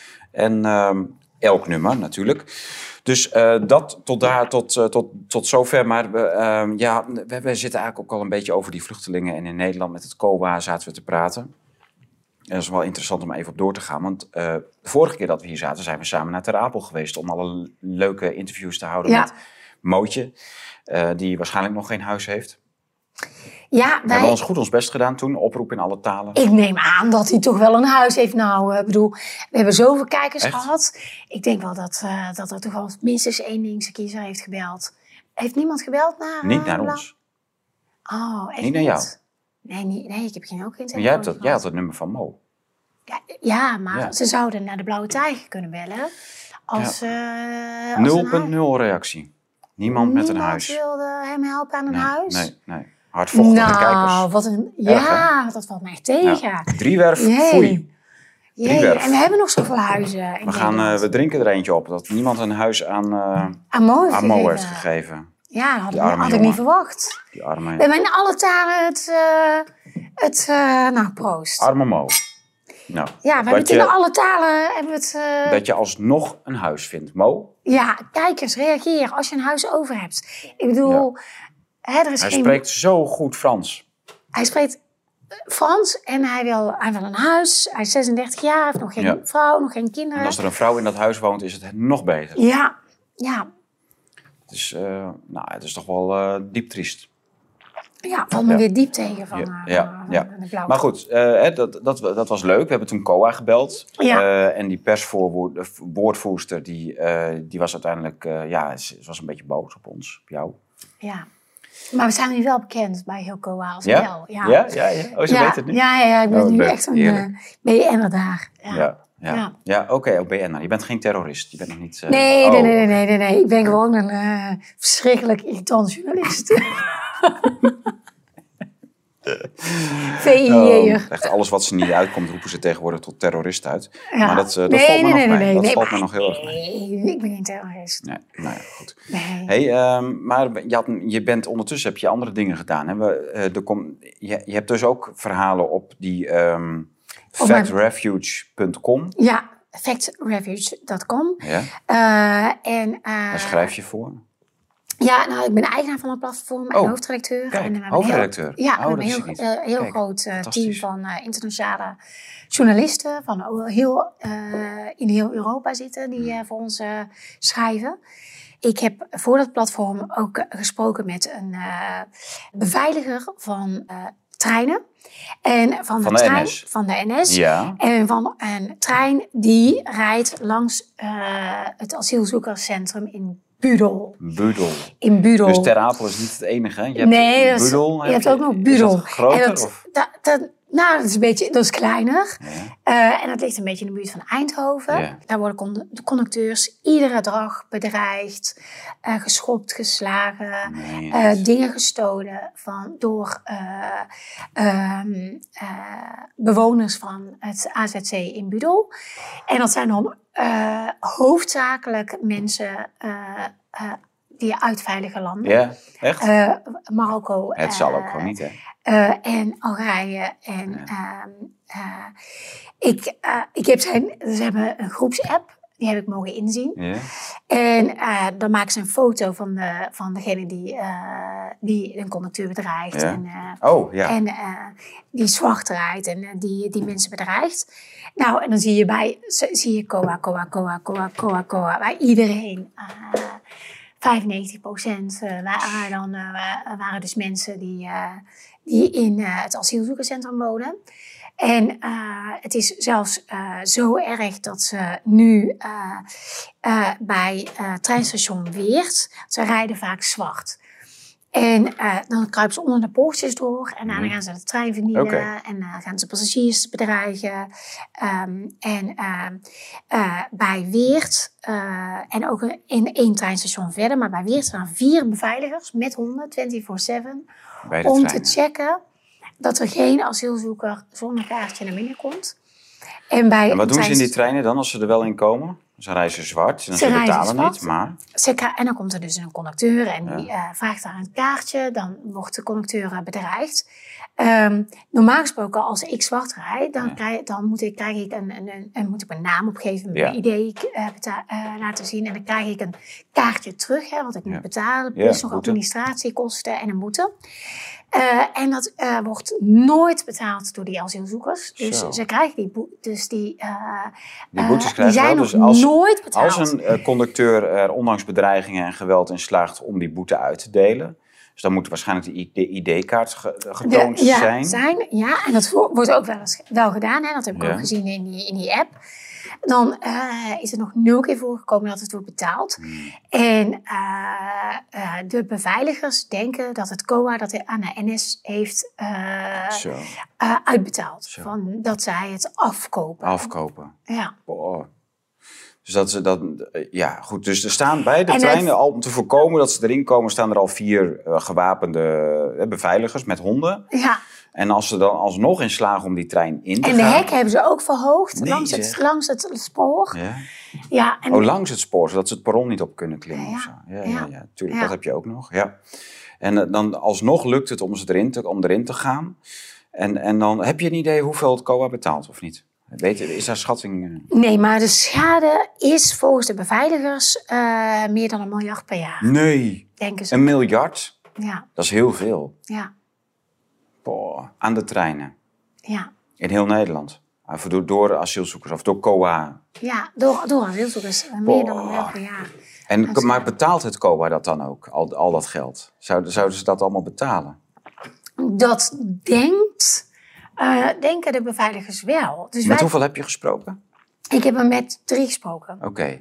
En je hebt hun app- app-contacten ingezien, dus er is een soort groepsapp app waarin ze ja. die heb ik allemaal helemaal, uit- die heb ik, die heb ik echt alles bekeken. Dus ik Ja. heb dus het hele eh, appverkeer van eh, de machinist, Ja. van de beveiligers eh, en de con- controleurs heb ik, eh, heb ik in mogen zien. Hey, en hoe, staan ze daar, hoe, wat, hoe zijn ze daar zelf onder? Wat, hoe, hoe reageren ze dan naar jou? Nou, heel open, heel vriendelijk. Maar ja, ik ben natuurlijk ook heel vriendelijk. Ja, ja, ja, jij kan heel goed dingen loskrijgen Ja, van mensen. Maar ze zeggen ook allemaal, eigenlijk iedereen die, die begint te werken bij de, bij de NS, die wordt eh, fan van Forum voor Democratie, van Wilders. Van, ze worden allemaal rechts. Je ziet nooit geen linksconducteur meer. Dus iedereen, iedereen in Nederland die eh, in aanraking met de realiteit komt, met de gevolgen van, Ja. van eh, Paars in de jaren negentig, Balken en, en Rutte. Als je dan echt met de werkelijkheid geconfronteerd wordt die ze nalaten, dan, ben je, dan je rechts. Ja, Ja. allemaal. Nee, dat Ja. verbaast me niks. Dus die... ja. En ze zijn zo boos Maar is dat da- dagelijkse ervaring van die intimidatie van asielzoekers? Is dat iets voor hun dat echt elke dag daar gebeurt? Ja, ja, is echt dagelijks. Iedere dag. Dat is toch een Dag hel? in dag uit. En wat ze ook zien, wij zien dus dat heel veel eh, asielzoekers eh, melk, merkkleding eh, dragen. Wat zij dus ook zien, is dat die asielzoekers hebben een apparaatje waardoor ze mer- de alarmen uit kleding Oh, kunnen, kunnen knippen. En dat ze dus heel veel in de treinen gewoon zitten jatten. Om naar merkwinkels te gaan Ah, om oké. daar kleding te jatten. Oké. Ja, want een, geld hebben ze al. Hè? Dus ze, ze hoeven over een natje en droogje niet in te zetten. Ze hebben een dak, ze hebben eten. En, maar ze hebben gewoon tijd te veel. Hè? Ze, ze Ja. mogen niet werken, dus dit, dit is wat ze doen. Ja, Dus merkkleding voor zichzelf en om lekker door te verkopen op een zwarte markt of zo. Of wat? Eh, Vast. zij zien in ieder geval heel veel eh, apparaatjes om merkkleding, om de alarmen uit merkkleding te knippen. ja. En ook eh, merk, gestolen merkkleding. Dus dat, eh, ja. Ja. ja, maar dat is, toch, dat is toch wel heel... Dat is toch wel heel erg, ja. Dat je... ehm, Dat het allemaal kan, hè. En, en dat we er eigenlijk gewoon cynisch over, over lopen te doen. Dat, het, eh, dat, dat ze het doen. Want het, we weet, eigenlijk weten we het, we verwachten het ook. We hebben het al voor ze ingevuld. Want ze, je weet gewoon dat dit, dat dit het doel is. Maar die Mo, die wilde wel werken, weet je. Die, die, die had ergens, is natuurlijk gewoon een jongen die wil gewoon wel werken. Maar eigenlijk, omdat je dan die eerste twee, drie jaar in Nederland... je komt al uit een veilig land, je had eigenlijk al direct teruggestuurd kunnen worden. Gebeurt dus niet. Dan, moet je, dan zit je twee jaar in die uitzichtloze procedure. Ga je de criminele circuit in, ga je dingen jatten. Je gaat een zwarte handeltje opzetten met gejatte spullen en doorverkopen voor helft van de prijs of zo. Je gaat daar misschien veel geld mee verdienen. Ga je door naar de drugs of je gaat nog eh, je gaat, eh, verder het criminele circuit in. Dit is zo uit te tekenen. Het is zo makkelijk. Ja, en ik snap Dit, gewoon dit, niet dit dat... kan toch elke ambtenaar ook bedenken? Ja, ik snap niet. Hè, als je wil werken in Nederland, stuur een sollicitatiebrief. Hè, eh, je kunt ook online in Nederland werken. Ja. Maar eh, ja, het probleem van Mo was dat hij eh, alleen een klein beetje Frans spreekt. Dus ja, dan kun je niet zo heel veel Ja. doen. En voor de rest ook. Maar ja, als de, onze afsluiter, toen wij lekker zaten te picknicken met champagne... bij, het, eh, bij de, onder dat gevaarlijk eh gebiedbordje... Ja, Toen kwam er een Marokkaan met zijn vrouw, eh wandelde langs. Dat leek mij wel een hele vriendelijke jongen. Ja, maar, Die, dat- die maar heeft al, het- had ook al vijf jaar in Italië gewerkt. Ja, maar het gaat ook niet zozeer om vriendelijk zijn of niet vriendelijk zijn. Hè? Het gaat niet om gunnen. Ik bedoel, iemand. eh, het, het, en het, het is niet altijd zo dat veilige landers criminelen zijn. Het zijn wel dat de meeste criminelen veilige landers zijn. Maar het is niet zozeer om gunnen, want eh, eh, het kunnen ook gewoon hele aardige mensen zijn. Het gaat er meer om. eh, wij hebben een enorme woningnood. Ja, dat komt, maar dat is nog een heel ander thema. Daar hebben we nog niet eens over gehad. Dat is waanzin. Ja, nou, Ja. Je, moet, moet, je moet tien jaar Ook al op de we- wachtlijst staan, of Ja. 15 jaar om een, om een huurwoning te krijgen in een beetje een grote stad. Dat is echt, dat is echt te En, gek. en, en dus het past gewoon niet. Dus waar, waarom geven wij zoveel geld uit mensen waarvan we denken van ja, die, die sturen we toch terug. Ja. Want dat weet je, hè, als je het Marokko komt. Ik, ik las dus van de week dat de Nederlandse gemeenten elke maand minimaal 32.000 woningen aan de huursector moeten onttrekken om te reserveren voor mensen met een tijdelijke verblijfsvergunning. Ja, en het- en, dus die moeten er elke maand weer extra vrijgemaakt worden. Dus het betekent dat niemand in Nederland die normaal nog, hè, dus eh, jou en mijn kinderen die de huurmarkt in zouden moeten gaan, eh, dat, dat die nog een kans maken. Dat gaat gewoon niet. Ja, het gaat, en het gaat niet eens alleen maar om kinderen. hè. Het gaat ook over mensen die gaan scheiden bijvoorbeeld. Je ziet wat mensen die... eh, Ja, om eh, allerhande redenen. Maar er, er is, er is geen, geen ruimte om urgente opvang te doen voor gewone Nederlanders. Maar er is al zeker geen ruimte meer in, in Nederland om huizen die voor gewone Nederlanders goed genoeg zijn om die ook... Hè, de- stel dat je al een jaar of twee jaar wacht, dat je, dan ben je toch wel toe eigenlijk aan een huurwoning. Ja. Maar je wacht nu tien jaar en je krijgt nog niks. ja, ja. En dit probleem was tien jaar geleden ook al bekend. Dit probleem was twintig jaar geleden al bekend. ja, en koop maar eens een huis. Dat, is niet, nee, dat is nu niet te doen. Ja. Nee. nee. Nee, wat dat betreft. eh, dus, dus, dus we kunnen het gewoon allemaal niet aan. Ja. En dan het, in de tussentijd halen we mensen binnen die, die uit veilige landen komen. Klopt. En die laten we dus hier heel lang zitten. Die gaan het criminele circuit in. Het kost ons een bakken vol met geld. Wat we ook kunnen stoppen in het bouwen van huizen. Ja. Maar ja, dat, dat wordt dus ook niet gedaan. Nee, want stikstof. Want de stikstof. Dus dit, dit, dit is gewoon een totale. Dus er worden een aantal fantasieproblemen en reële problemen bewust gecreëerd. Die op een gegeven moment in een totale padstelling eh, eh, belanden. En dus dat we ongebreidelde asielstroom hebben. dat die allemaal gehuisvest moeten worden met voorrang. Eh, en, en het tweede, dat we nu een soort fanta fantasiefantoom hebben met, met dat stikstof, zodat er niet gebouwd mag worden en boeren weg moeten. Ehm, grootverbruikers uitgekocht zouden moeten worden om stikstofruimte vrij te kopen, zodat er dan weer een paar huisjes gebouwd kunnen worden. Maar het, het feit is gewoon, zelfs al bouw je er nu 2 miljoen, het is niet genoeg. Het is niet genoeg. En ook het hele stikstofbeleid. Ik, ik hoorde een verhaal, nou echt, het is ongelooflijk. De bouwonderneming mocht niet meer bouwen, want de kranen mochten niet op, eh, de bouwkranen mochten niet op diesel rijden. Dus die dieselkranen mo- mochten, moesten vervangen worden met Elektrisch. elektrische. Ja. Maar die elektrische kranen, die hebben zoveel energie nodig en het, en het hele net zit vol. ja. Dus die werden dus eh, volgestopt met een dieselaggregaat. Ja, want dan mag het wel.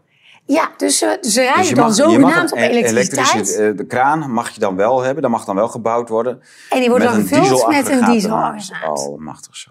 zo ja. En dat is dus de omgekeerde wereld. Dan denk je van, terwijl er ook hele goede alternatieven zijn. En je hebt dus ook gewoon hele goede accu's die je kunt... eh, Ja, maar wa- wa- waarom zouden we deze rotzooi, waarom zouden we dit moeten pikken? Waarom, zouden, waarom zijn dieselkranen gek? Waar- waarom zouden we hierin mee moeten gaan als Nederlanders?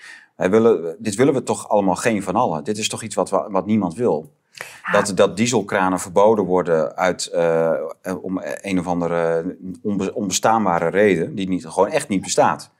Er is geen oorzaak aan te noemen voor het feit dat dieselkranen slecht zouden zijn. Nee, maar het is, het, eh, het, het is helemaal idioot dat ze verboden worden en vervolgens gevuld worden eh, met, met een dieselaggregaat. Ja, maar de, ehm, even kijken hoor. Dus we dwalen af over de woningbouw en dergelijke. Dat is heel belangrijk. De stikstofproblemen die niet bestaan. En eh, het feit dat, eh, dat huizen een enorm probleem zijn. Maar ehm, eh, wij zijn, moeten natuurlijk gewoon even terug naar de NS. Want we hadden aangekondigd dat, we, dat jij die zou gaan bellen. Ja, zou ik eens proberen? Ja, ja Nou, waar, waar, ga, waar ga je over bellen?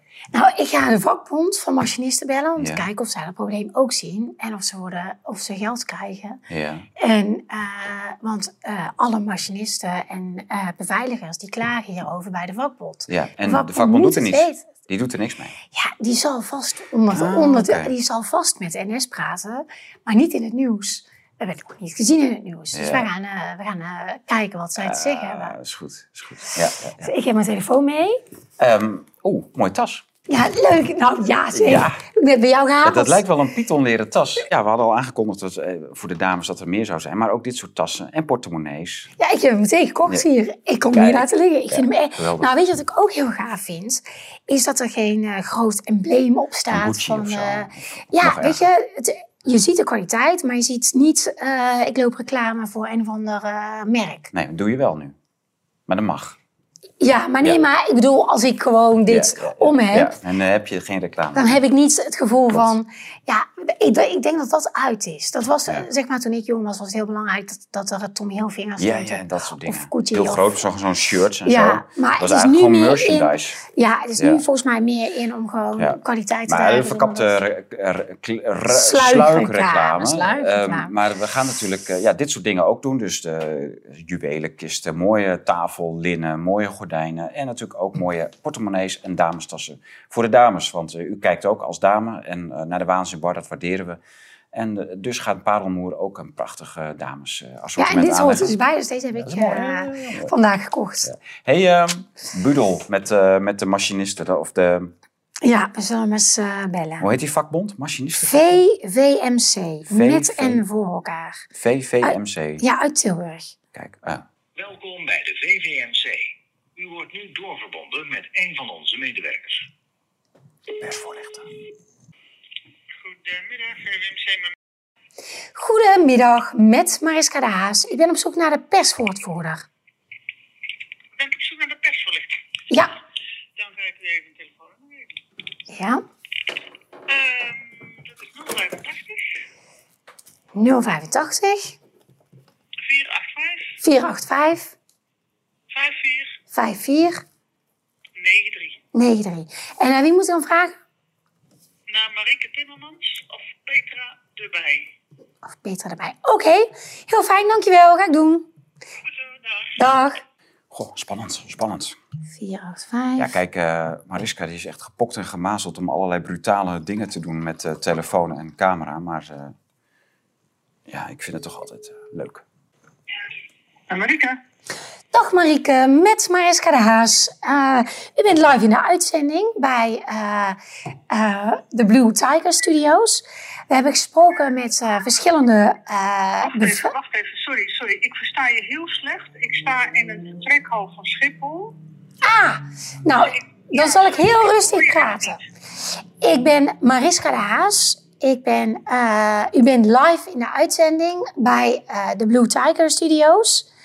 We hebben gesproken met verschillende ehm, machinisten en eh, beveiligers van de Maar ik NS. ben nu live in een uitzending, serieus? Serieus? Ja.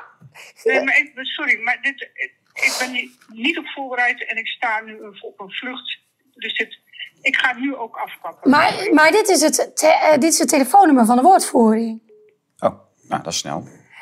Ik kan me nauwelijks voorstellen dat je op Schiphol staat gewoon snel moeten- met een 085 nummer. Ja, dat kan helemaal niet, want dat is dan doorgeschakeld. Terwijl zij dus, Marieke Timmermans gaat dus nu met vakantie. En waar is dan Petra erbij? Oké, dan gaan we dat even vragen. Ja, ja maar dan, als we de direct daarna bellen, dan heeft ze het ook alweer door. Kijk even naar een telefoontje, maar... Ja, neem maar op, dan knippen we er wel uit. Ja, hallo?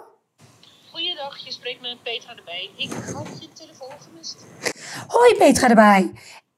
Nou, fijn dat je even terugbelt. Mijn naam is Mariska de Haas. Ik ben, eh, eh, u bent live in de uitzending eh, bij het televisieprogramma van Blue Tiger Studios. En ik heb met verschillende beveiligers en conducteurs Sorry, gesproken. sorry mag, je- mag ik je heel even onderbreken? Je bent Mariska de Haas en... Ik ben eh, journalist.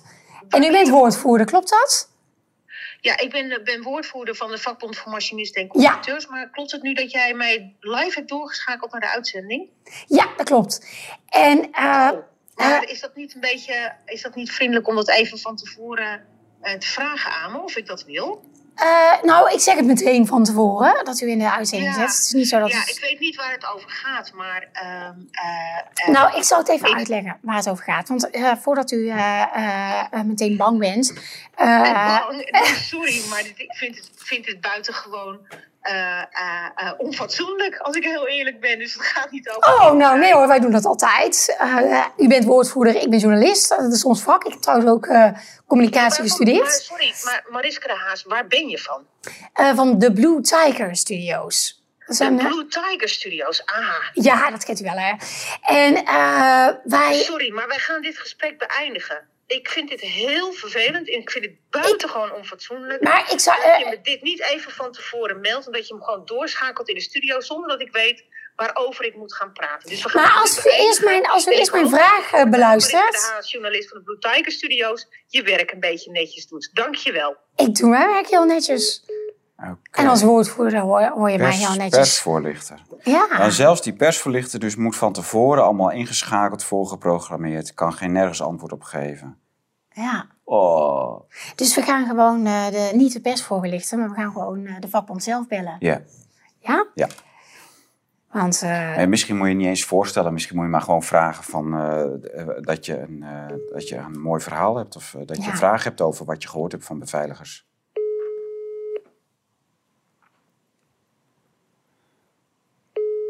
Goedendag, dit is de voicemail van Petra erbij.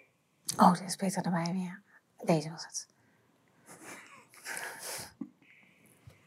Welkom bij de VVMC. U wordt nu doorverbonden met een van onze medewerkers.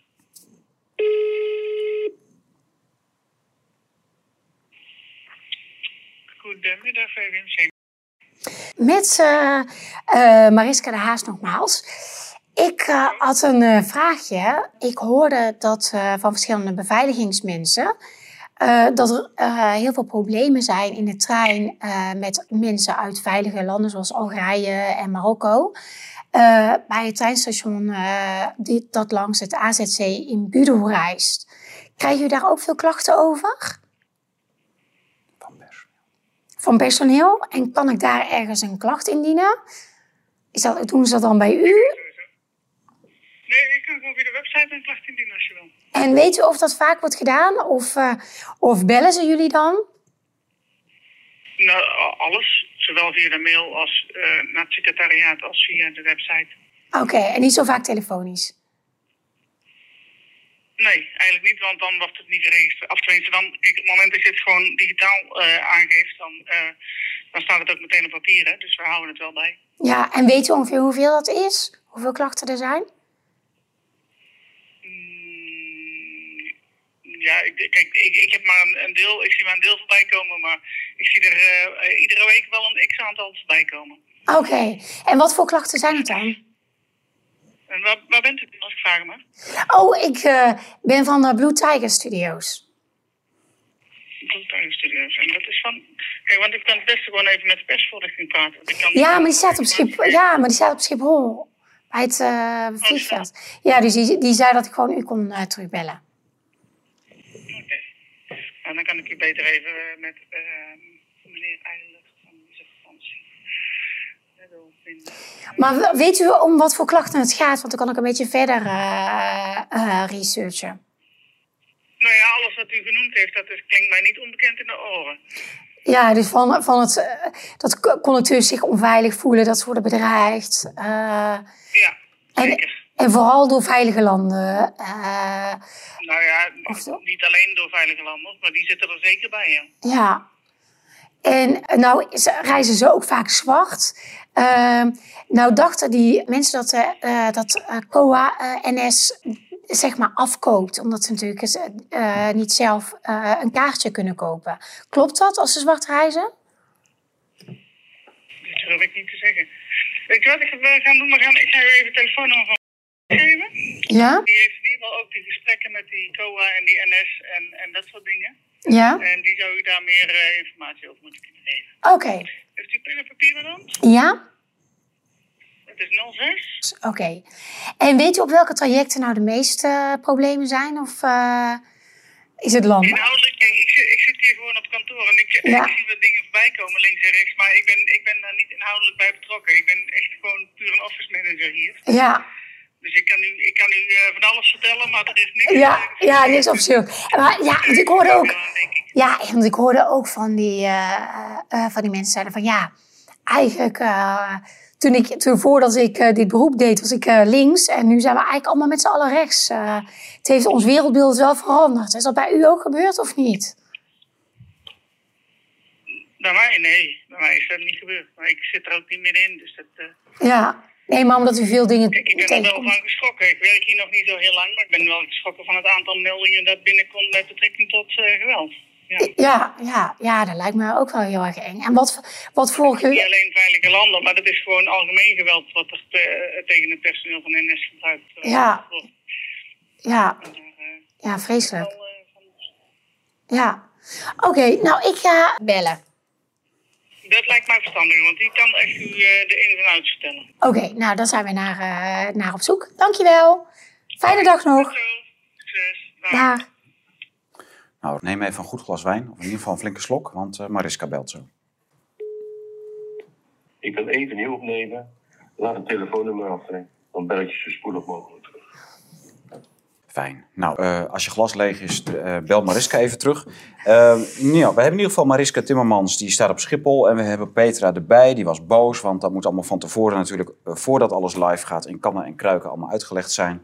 Zodat alles begrijpelijk is en er niets verdedigd hoeft te worden. Geen misverstanden mogen bestaan. En ja, nou ja, goed. Maar dan heb je dus heb je gelijk het hele probleem in een notendop waarom Nederland geregeerd wordt door persvoorlichters. Krijg je dit soort praat. Terwijl je zo'n klantenservice medewerker, die, laat, die, die zegt gewoon precies waar het om gaat. En Ja. wat jij dus ook met, eh, met je conducteurs ehm, meemaakt, hè, die, je- die je gesproken hebt en de beveiligers. Dat is gewoon dat het een enorme teringzooi is. En iedereen die er eh, mee te maken krijgt, schrikt zich een hoedje.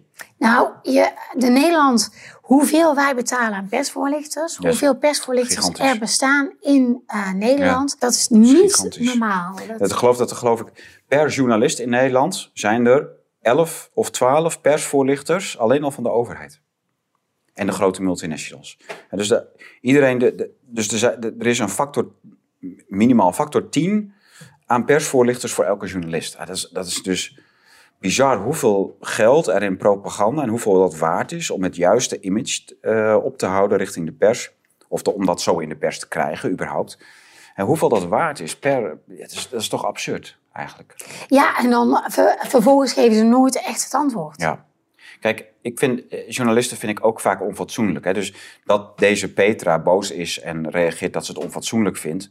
Ik, ik, ik, heb, dat, ik heb vaak dat, dat dit soort live journalisten, hè, dat ze heel erg, vind ik ook vaak onfatsoenlijk. Maar er zit altijd een links-lul verhaal bij die journalisten. Weet Dus, die, dus ze willen altijd een of andere, ze overvallen een, eh, eh, en dan vaak ook geen niet eens een persvoorlichter, maar ze overvallen gewoon medewerkers of een, of een directeur of eh, niet eens persvoorlichters. Maar dat een persvoorlichter, wiens werk het is om pers voor te lichten, boos is om haar, dat je haar belt live, dat is toch bizar?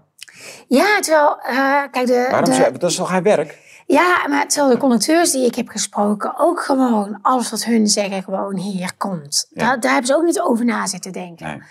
Dus het is... eh, Maar het is alles is bedoeld om de waarheid niet in de pers te krijgen. En om gewoon weer een een of ander eh, gladgestreken verhaal erin te krijgen. En daarom zijn ze boos, want ze krijgen de kans niet om zich voor te bereiden op jou.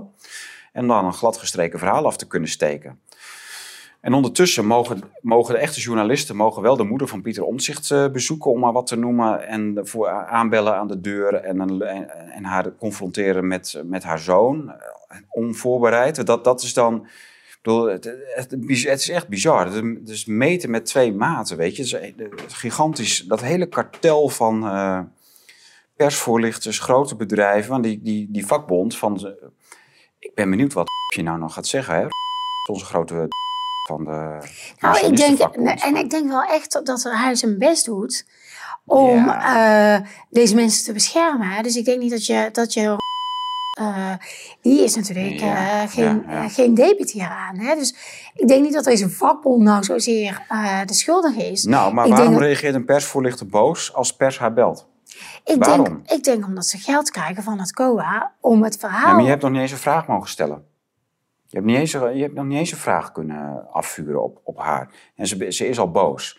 Dus dat betekent gewoon dat, ze, dat haar werk eruit bestaat om gladgestreken verhalen Ik denk de dat het COA al heeft gebeld met, eh, met alle mensen die, met wie ze zaken doen. Over dat ze niet Ja, ja, ja. Echt, denk, denk je? Ja, gaan. Ja, Ik denk wel, echt? ja, ja, ja, ja. we, ik- we staan in een zwart boek, in een zwarte, zwarte lijst. Oh, nou ja, ja, ik denk het eigenlijk niet. Ja, ze reageerde enigszins gepikeerd op Blue Tiger Studio, toen je dat zei. Ja.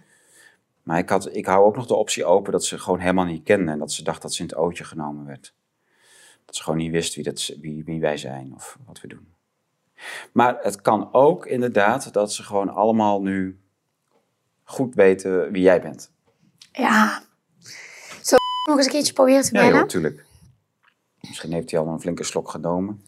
Moet wel even indalen natuurlijk, een goede dosis alcohol. 8-1. Dus. Even de NS zelf bellen, hè? Ja. Wie is er niet? Dus we gaan de NS bellen. Ja. En dit Wij proberen u door te verbinden. Een moment. Goedemiddag, en persvoorlichting. Met Mariska de Haas van Blue Tigers eh, Studio. Ik ben journalist. Ik heb met verschillende eh, machinisten en eh, beveiligers op eh, de treinen gesproken. En die vertelden dat er enorm veel overlast is van vooral mensen uit het AZC van Budel, die uit veilige landen komen, zoals Algerije en Marokko. En in, hij dacht dat, dat het wel minstens eh, 1 miljard euro per jaar zou kosten. En eh, deze mensen zouden zwart eh, rijden. En hij vermoedde dat de NS dan geld kreeg van het COA, omdat ze dus nooit een kra- eh, kopen, kunnen kopen. En ook nooit het, de boete kunnen betalen. Klopt dat? En, en, en wie zegt dat? Van, van dat zoveel per jaar? Wie heeft, wie, dat zeggen mensen die beveiligers zijn van de NS. Ah, Oké. De En een van die beveiligers of wat je die, die zegt dat? Ja, meerdere, ja. ja. Ehm, ja. ja, ik eh, moet even een woordvoerder terug laten bellen. Noteer even uw gegevens. Ik heb verstaan Mariska, die achternaam. Mariska de Haas, Daas. En u bent van? Blue Tiger Studios. Ja. Oké. En op welk nummer bent u bereikbaar? 06. Ja, zes. Nou, dan heb ik het zo eh, compleet. Ik En- eh, en heeft- het even doorzetten. Ja, nou heel van mij. We- Weet u iets van, eh, van deze problematiek af? Dat, het, eh, dat er veel overlast is in treinen door eh, bewoners van AZC eh, Budel? Ja, nou, daar, daar laat ik dus even de betreffende woordvoerder over terugbellen. Oké, Dan, eh, ja, dat is eh, beter. oké, want, want u bent de woordvoerder Oké, van... Ik zet het door en dan hoort u eh, zo spoedig mogelijk. Oké. Ik weet niet zeker of het vanmiddag nog lukt, maar Oké. ik doe mijn best. Oké, Ja? ja, oké, bedankt. Dag. Graag gedaan. Dag. Kijk, met alle respect, maar dit vind ik wel een professionele respons. Kijk, we krijgen niet wat we willen. Ja, ze laten betreffende... Zij is de Ja. woordvoerder. Ja, Maar eh, zodra, ze het, zodra ik het binnen heb, ja. dan eh, neem maar dan ik... weet, dan weet je dus, dan Dan- gaat iemand zich voorbereiden op jouw vragen. is allemaal genoteerd. Krijg je straks een gladgestreken verhaal terug. Dan ben ik benieuwd wat we daarmee kunnen. Ja, A few moments later. Oh, even kijken. zou je hoor. hem hebben? Eh, ja, ik zal even kijken. Met Mariska. Goedemiddag, Mariska. Met van de Nederlandse Spoorwegen. Goedendag. Hallo, per- afdeling persverlichting. Toen zocht jou even terug te bellen. Het gaat over de situatie met veilige landen, zoals het dan heet. ja, Het AZC eh Budel. ja, dat klopt. Ik eh, moet zeggen, de collega die hier meestal eh, eh, vragen over beantwoord heeft en zo, die is nog met vakantie volgende week. Toch? Dus ik ben in ieder geval even terugkijken of je al een paar vragen hebt waar ik eventueel mee kan. Maar misschien dat je het antwoord op zo'n dingen dan schuldig moet, moet blijven. Dus Oké. ik laat het je maar even weten. Nou, Het het, het, belangrijk het- dat in ieder geval wat- deze week nog even teruggebeld wordt. ja, een van de dingen die mij, die, die, maar ik weet niet of, je, of u dat weet, waar ik best wel van schrok, was dat de, de beveiligers van de NS, die zeggen, nou, als iemand zwart rijdt, hè, dus als ik bijvoorbeeld zwart rijd, of ik Ja. eh, dan krijg ik van de conducteur een kaartje, dat is een kaartje met boete. Dus dan krijg je een kaartje plus nog een boete erbij. En als ik die dan, als ik op dat moment niet kan betalen, dan krijg ik die daarna in mijn rekening in een bus en dan moet ik het daarna betalen. Ja, En de bewoners in Budel kregen dat in eerste instantie ook. Dat werd nooit betaald. En zij zeggen dat het COA dat heeft afgekocht bij de NS. Weet u daar iets van? het COA dat heeft afgekocht, zeg je. Ja, dus dat, omdat ja, eh, eh, die hebben natuurlijk niet het geld om een treinkaartje te kopen. Laat staan met, Mhm. met een boete erbij. Dus wie betaalt dan dat treinkaartje met boete? Ja, ja. Nou, het is niet zo dat iemand op voorhand zwartrijden kan afkopen bij NS, zeg maar. Daar hebben wij geen regeling voor. Oké. Dat, dat, dat weet ik. Ik weet wel dat het een probleem is dat met de identificatie en het laten betalen van het ehm, eh, eh, verhoogde bedrag als iemand geen vervoersbewijs heeft. En dat het wel een probleem is wat speelt bij het AZC in Budel. Ja. Ehm, ehm, dus eh, hun, hun, hun postadres eh, is dan het AZC, daar komt het dan terecht. Ja. Ehm, en als mensen moeite hebben om te betalen of het niet in de systemen zit, dan is het wel eens lastig. Dus we zijn ook in gesprek met het ministerie van Veiligheid en Justitie Ja. om te kijken of wij de betalingen van, van, een, eh, van een uitstel van betaling met de wettelijke verhoging, of we die kunnen verbeteren. Maar er Ja. is geen, ik kan wel even een check voor je doen, maar voor, ik weet het nagenoeg zeker, de, een regeling is er sowieso niet. Of het COA dat namens iemand betaalt, dat, dat zien wij dan bij wijze van spreken niet als dat gebeurt. Maar we hebben geen regeling met het COA hiervoor. Maar hebben jullie dan wel dat, dat, jullie, dat jullie geld te weinig krijgen? Dat, dat, dat jullie zien van ja. Ja, per definitie, als iemand zwart rijdt en, en, en dus geen kaartje koopt. En, en, en het is bekend dat het aantal zwartrijers eh, daar hoger is, omdat mensen niet bij macht zijn, een kaartje kopen, et cetera. Nou, die problematiek moet duidelijk zijn. Als iemand geen kaartje koopt, dan lopen wij geld mis op dat Ja. moment. Dus dat, dat, dat, dat speelt inderdaad wel. Ja. Eh, dat is ook wel bekend. Wij hebben daarom ook bij, de, bij, het ministerie van Justitie en Veiligheid ook met de gemeente eh, ja, gesprekken van goh, hoe kunnen we dat nou verbeteren? En we hebben ook de situatie op het station daar eh, aangepast, hè, dat met, met kaartcontrole en dat soort zaken. Ja, hè, want er staan nu en mensen met honden, geloof ik, om te checken of mensen wel een kaartje hebben. Sorry? Er, stonden, er staan nu ook bij de stations vlakbij het AZC eh, mensen met honden om te checken of mensen ook wel echt daadwerkelijk Ja, dat is de laatste hebben. informatie die ik heb. Maar ik moet eerlijk Ja. zeggen dat ik de- van de, la- eh, van de laatste twee weken even de vakantie niet precies weet wat de plekken nu de situatie is. Maar dat is wel het laatste wat ik heb gehoord, is dat we daar nu inderdaad ook beveiligers hebben. Ja. Ehm, om bij het station eh, te controleren of mensen die daar komen wel, eh, wel een vervoersbewijs hebben. Ja. Ehm, omdat de situatie daar ingewikkeld is wat dat betreft. Eh, en we willen natuurlijk, ja, ja, de trein rijdt wel, maar dan moet uiteindelijk wel een prijs van een treinkaartje voor betaald worden. Dus wij willen natuurlijk graag betaalde reizigers vervoeren, uiteraard. ja, want hoeveel kosten lopen jullie mis eh, hierdoor en hoeveel extra kosten maken jullie met extra beveiliging? En wie betaalt? Ja, dat is heel moeilijk te zeggen, omdat natuurlijk sowieso, eh, kijk, de sociale veiligheid in Nederland, helemaal los van het AZC, is gewoon best wel een eh, onderwerp in de samenleving. Ja. En ook gewoon een nachttreinen, uitgaanspubliek, gewoon in, in de volle breedte. Dus we hebben een Ja. behoorlijk groot veiligheidsapparaat, laten we het zo maar noemen, met, met de afdeling veiligheid en service. En waar mensen ook eh, BOA zijn, mensen aan kunnen houden. eh camerasysteem. Maar dat, dat, dat is veel breder dan eh, veilige landenproblematiek of uh, Budel. Ehm, ehm, ja, da- daar hebben, wij, daar, daar hebben wij geen cijfers van en dan helemaal niet zo specifiek pi- pingepoint daarop. En deels hoort het er natuurlijk ook, ja, helaas kun je dan zeggen, maar wel bij dat je ook natuurlijk zorgt voor de veiligheid in de trein. Omdat er nou eenmaal eh, mensen in Ja. bestaan die, eh, die soms kwaad willen. Eh, ja, en die kosten zitten toch daar in, in, in totaal in. Ja, want ik heb, geen, ik geen heb in de... over hoeveel geld we mislopen als het gaat over zwarte rijders of ja. AZC. Omdat het gewoon ook gewoon ja, uiteindelijk op de grote hoop is. En wij, iemand die niet rijdt, ja, niet weten eh, of iemand wel of geen baan heeft in Nederland geboren is. En wat zijn verblijfplek is op dat moment per se. Dat, op dat niveau wordt dat niet bijgehouden. Nou, ik heb een, eh, in een groepsapp eh, mogen kijken van, van een beveiliger. En Ja. die maken dan een foto van iemand die, die gevaarlijk is in de trein. En, Ja. of, zwart, en of zwart rijdt. En ongeveer eh 95% eh, waren mensen uit, uit het eh, COA op de, op de trein eh, eh, rondom eh, Budel. Weet je daar iets van? Nee, ja, kijk, kijk, wat hij laat zien, dat, dat, dat is wat je op dat moment ziet. Maar wij- ik, ik heb Ja, dat is, een, dat is een, gewoon een groepsapp van alle connecteurs samen. Wat zeg je? Dat, dat is een groepsapp van alle connecteurs samen. Dus die, die informeren elkaar dan van... kijk uit, deze man rijdt zwart Ja, en hij is gevaarlijk. Nee, dat snap eh, ik wel. Maar kijk, kijk, ik kan natuurlijk niet op zo'n foto zien of dat een... eh, eh, oh, eh, ik ik, zit niet in die appgroep. Ja. ik, ik, heb gewoon geen cijfers eh, Ja. over het aantal mensen dat, dat betreft, wat dat betreft. Dus, dus wat hij laat zien eh, is wat jij op dat moment natuurlijk ziet. maar ik heb geen cijfers die dat, eh, die dat kunnen staan of zo. We weten dat gewoon niet. ja. En heeft u enig idee hoeveel kosten hiermee gemoeid zijn? Nee, dat zou ik echt niet kunnen aangeven. Dat komt omdat we namelijk uh, in zijn algemeenheid gewoon een, veiligheidsapparaat hebben. Uh, als het gaat ook over dag uitgaanspubliek, studenten, festivals, et cetera. Met crowd control, crowd management, voetbalhooligans en zo. Dus dat is in zijn totaliteit. Dus specifiek op hoeveel kost het dan als het gaat over ASC Budel, hebben we daar geen cijfers over.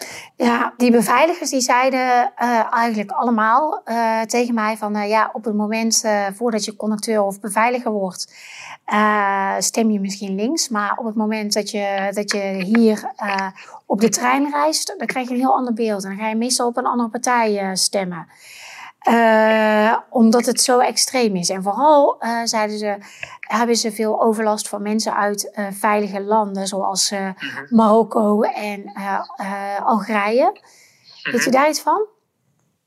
Sorry, wat zei je als last? Veilig, dus ze hebben vooral last van mensen uit Marokko en Algerije uh, en Somalië. Dus uit veilige landen die dan in het AZC zitten. Ja, ja. Nee, maar dat is ook de problematiek die er speelt. Hè? De problematiek met de veilige landen die er nu in het AZC zitten. Hè? Ja. Dat, dat, is ook bekend waar ze specifiek vandaan komen, dat weet ik niet. Oké. Ja, en de, ook daarin zijn je nu met, in gesprek uh, uh, met het ministerie van Justitie. Dat de plekken met de gemeente en met het ministerie van Justitie en Veiligheid hebben we ook gewoon gezegd, we willen uh, eh, we hebben dat ook opgeroepen, we willen maatregelen om, om daar uh, op een fatsoenlijke manier als trainers te kunnen uitvoeren en te zorgen dat, dat reizigers veilig kunnen reizen. Dat reizigers betalen en uh, dat onze mensen daar op een veilige manier werk kunnen doen.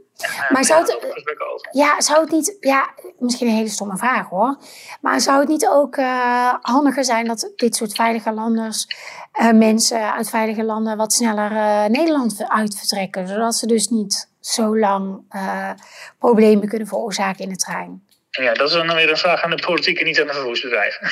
dus dat zul je echt even aan de politiek daar moeten vragen. Of ik nee, maar ja, je zou ze wel kunnen adviseren, toch? Nee, maar kijk, dat is, dat is gewoon een politieke vraag uh, die, die, die ik als woordvoerder van, uh, van, van de NS niet kan beantwoorden. Dat zal je aan, aan een politicus of aan een bestuurder moeten vragen. Ja. Uh, wij zien gewoon dat er, dat er overlast is. daaromtrent dat we asielzoekerscentrum met veilige landen. wij willen daar maatregelen tegen.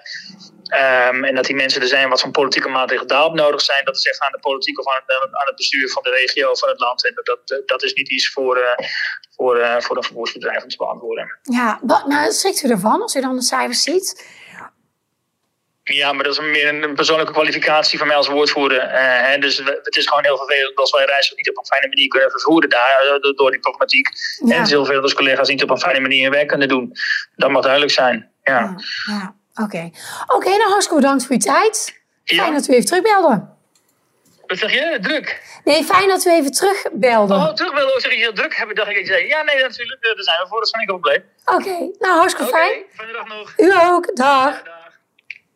Oké, okay, één. Hij geeft je in alles gelijk waar hij je gelijk kan geven. Mm -hmm. Twee, ze hebben echt per uitgavenpost alles in de boeken staan. Daar ligt hij. Echt wel. Hij ligt de, de NS weet precies wat het ze kost in Budel. Op dat hele traject. Drie, hij zit niet in de WhatsApp-groep. Nee, nee, gelukkig niet. Hè, maar dan zouden de conducteurs ook niet vrij uitspreken. Hè, maar uh, dat, dat is niet waar. En punt drie, dat is aan de politiek. Weet je, dat klopt helemaal niet. Want bedrijven als de NS hebben een directe lobby met elk ministerie wat er voor hun toe doet. Dus elk belang van de NS weten ze direct Den Haag bij te vinden. En is wel degelijk, zijn ze direct in, in uh, gesprek met politiek en met, en met bestuur.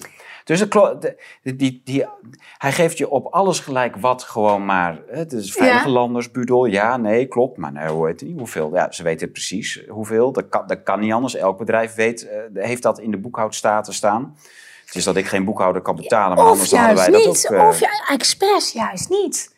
We willen niet weten hoeveel het is. We houden onze ogen dicht. Ja, ik geloof er geen reet van. Ik geloof er helemaal niks van. Want ergens moet het bonnetje doorgeschoven worden naar het ministerie en met justitie. Weet je? Want in justitie zijn ze ook mee in gesprek om boetes te betalen. Ja. Want er moet wel betaald worden. Dus het COA doet dat blijkbaar niet, volgens hem.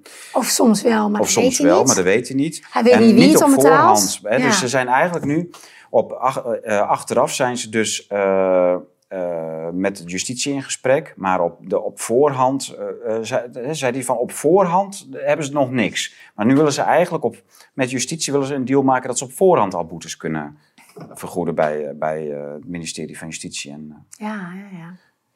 Nee, het is, het is heel raar. Maar leuk dat hij terugbelde dat we hem nog net op tijd in de studio hadden. ja. Echt tof, heel tof. Maar het gaat natuurlijk om die bewering van die beveiliger dat er 1 miljard eh, euro schade per jaar ja, wordt gedaan door asielzoekers uit veilige landen. Eh, Voornamelijk veilige landen. Dat is nogal wat. 1 miljard, joh. Hoe, hoe wil je dat in vredesnaam? Zou dat inclusief alle beveiligingskosten zijn? Ja, ja, ik denk het wel. Maar ik, ik denk dat, eh, dat rondom dit hele verhaal zoveel extra hi- hidden costs zijn, verborgen kosten die we niet zien. En stel je voor als we geld er overvloeden hadden, dan is dat natuurlijk niet zo erg. Maar dat hebben we niet. Er zijn zoveel mensen die kunnen Ja. niet hun gasrekening betalen, kunnen niet hun eh, eten betalen, die, die struggelen met, eh, eh, met hun gewoon hun dagelijkse bestaan. En, en dat is niet eens zozeer de arme mensen, maar dat zijn, zijn, is zelfs de middenklasse, het MKB. Ja.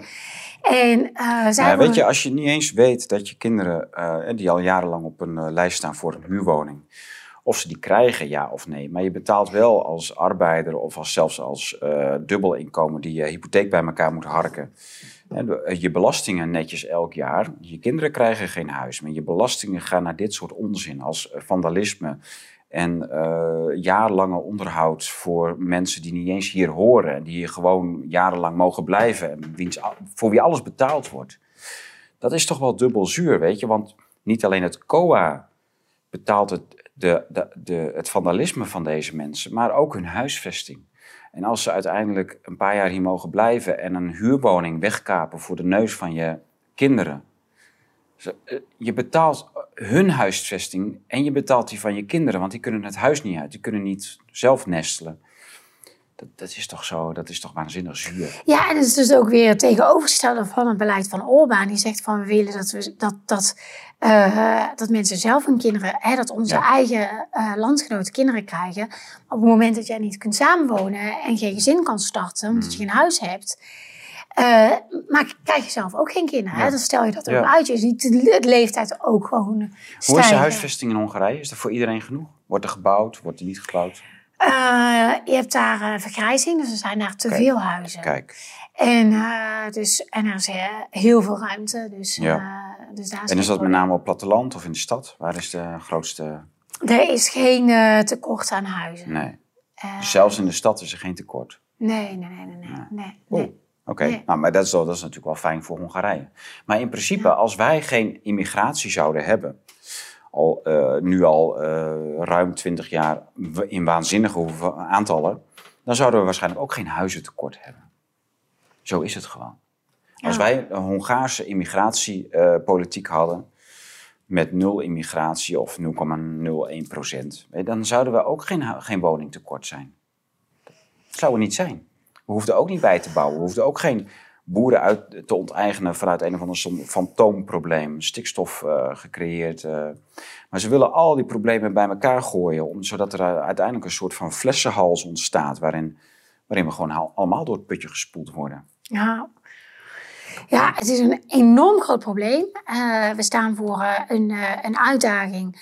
En ik vraag me echt af eh, hoe wij, de, als, als dit zo door blijft gaan, hoe dit over tien jaar eh eraan toe is. Ik ben Ja. benieuwd naar Ja. eh, de uitkomst van de verkiezingen en de nieuwe regering, wat Ja. die gaat doen en hoe die. want er is een immense uitdaging waar, de nieuwe, waar het nieuwe regering voor gaat Ja. komen staan. Heb jij Omtzigt al een keer ontmoet? Ik heb bijna wekelijks gesproken met Omzicht. Hoezo? Hoe dan? Ja, eh, toen ik hoofddirecteur was voor Katholiek Nieuwsblad. eh, Ja. Zat je in panels? Of... nee, nee, nee, maar hadden, ik, eh, hadden wij nou, nou, wekelijks of maandelijks wel contact met, Ja. eh, over eh, met opiniestukken en interviews. eh. Ja, ja. ja, ik ken mij goed. Ja. En wat denk je ervan? Nou, eh, Hij is heel hard naar PVV, FVD. ehm, Waarom? eh, ik denk omdat hij zich anders wil profileren. Hmm. Ik denk dat het een prof... Dus jij denkt dat, dat hij de verkiezingswinst pakt en dan toch met hun aan tafel gaat zitten? Nou, ik weet, dat weet ik niet. Ik weet wel... eh, Ja, we hebben nu BBB gezien hè, met de provinciale verkiezingen in de Eerste Kamer. Die hebben, Ja. zijn de grootste geworden. En vervolgens in al die provincies gaan ze met GroenLinks en PvdA regeren.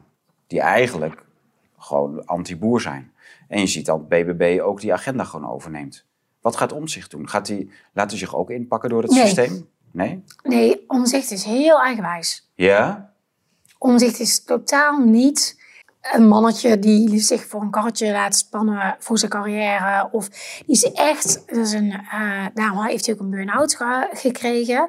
Als Geloof hij- jij dat, dat hij een burn-out heeft gehad? Ja, want eh, als hij zich in een dossier bijt, dan laat hij niet meer los totdat hij echt alles boven tafel heeft gekregen. En dat doet hij in alles. Dat heeft hij in Europa gedaan. Eh, Ja, maar kijk, dat is het beeld wat we in de media van hem kennen. nou, maar hè, dat is ook echt het media. Het, wat ook echt wat ik echt van hem heb gezien. Hij heeft me zelfs wel eens een keer om half twee s'nachts of zo gebeld. Of echt, echt heel laat, omdat hij dan een vraag had. En dan was gewoon nog bezig met het werk.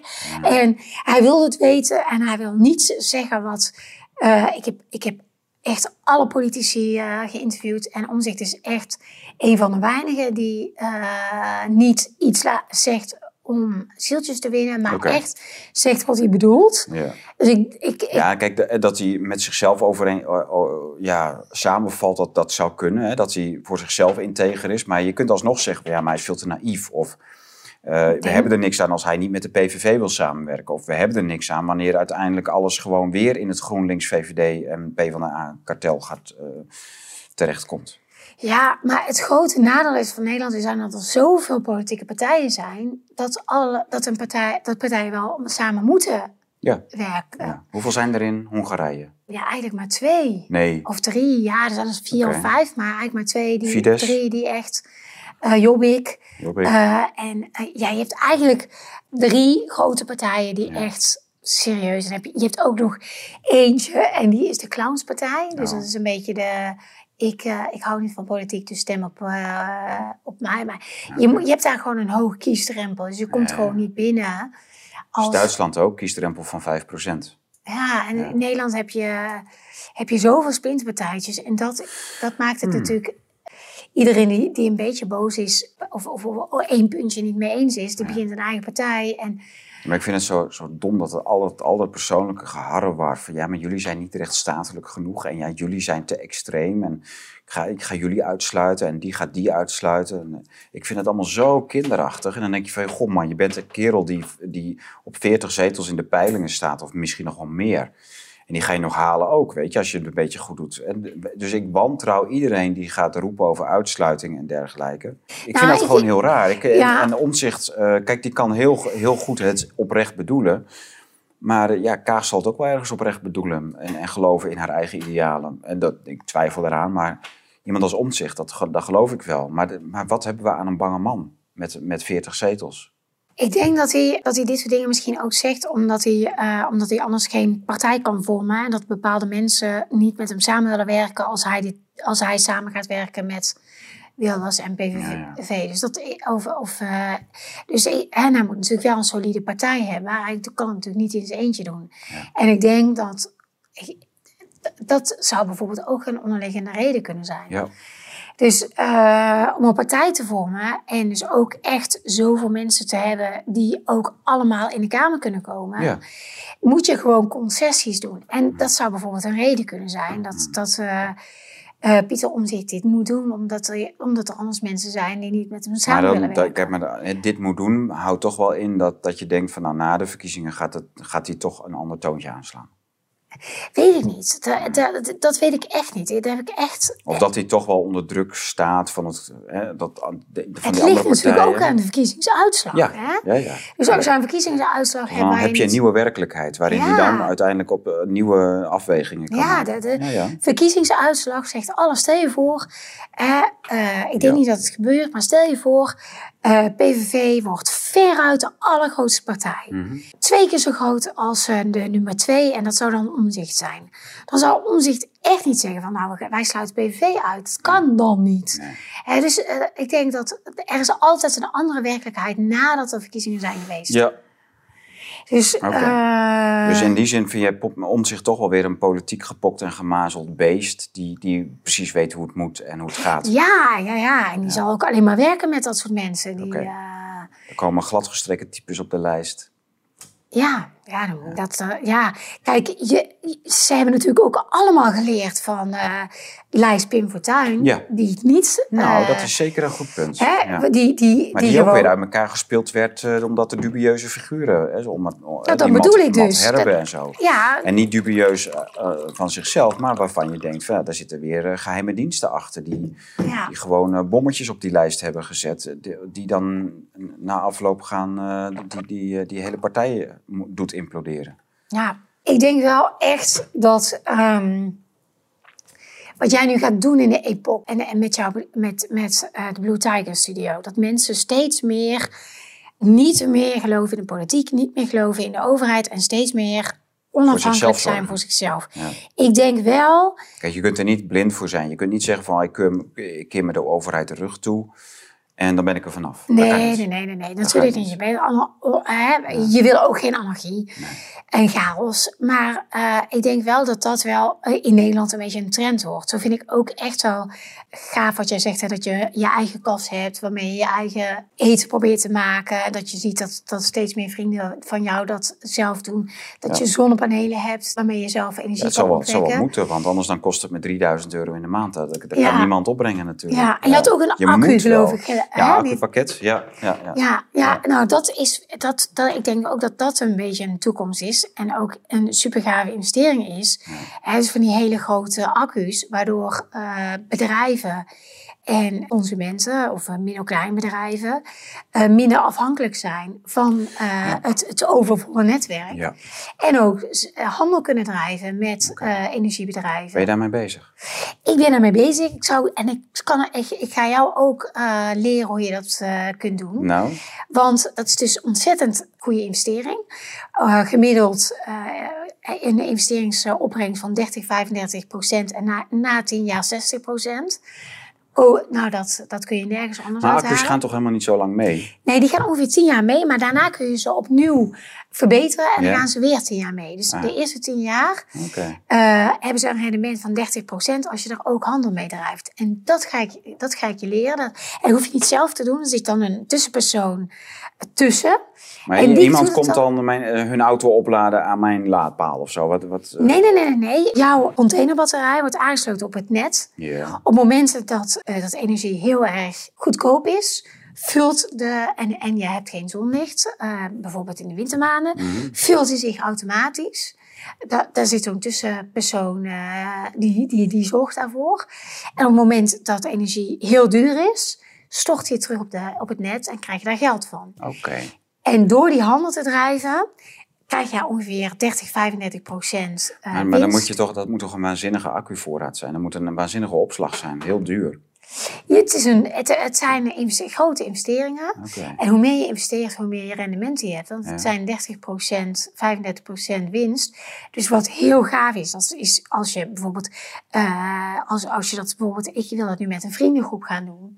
Dus als je met z'n allen, met z'n samen één hele grote accu koopt. Of, eh, nou, je ziet ook bijvoorbeeld dat, dat, dat boerenbedrijven dat doen. Die toch geld hebben, dat willen investeren Maar wat in kost iets. zoiets dan? Oh, Nou, als je een vrienden. Accu wil hebben waar je echt handel mee kan drijven, dan, spra- spreek je al snel van 2 ton. Maar dan kun je dus wel, haal je wel 30% Maar hoe, hoe groot is letterlijk die accu dan? Eh, Wat voor afmetingen heeft zoiets? Ja, zoals een, als een container, zeg maar. Als jij Een je, container groot. Ja, Een container zeggen, groot, ja, dus- Je gooit hem vol wanneer er dus overcapaciteit is op het net en de energieprijs is heel laag. Ja. En je gooit hem leeg wanneer die energieprijs hoog is. ja, ja, of eh, de boer die ik heb geïnterviewd, eh, die heeft ontzettend veel zonnepanelen.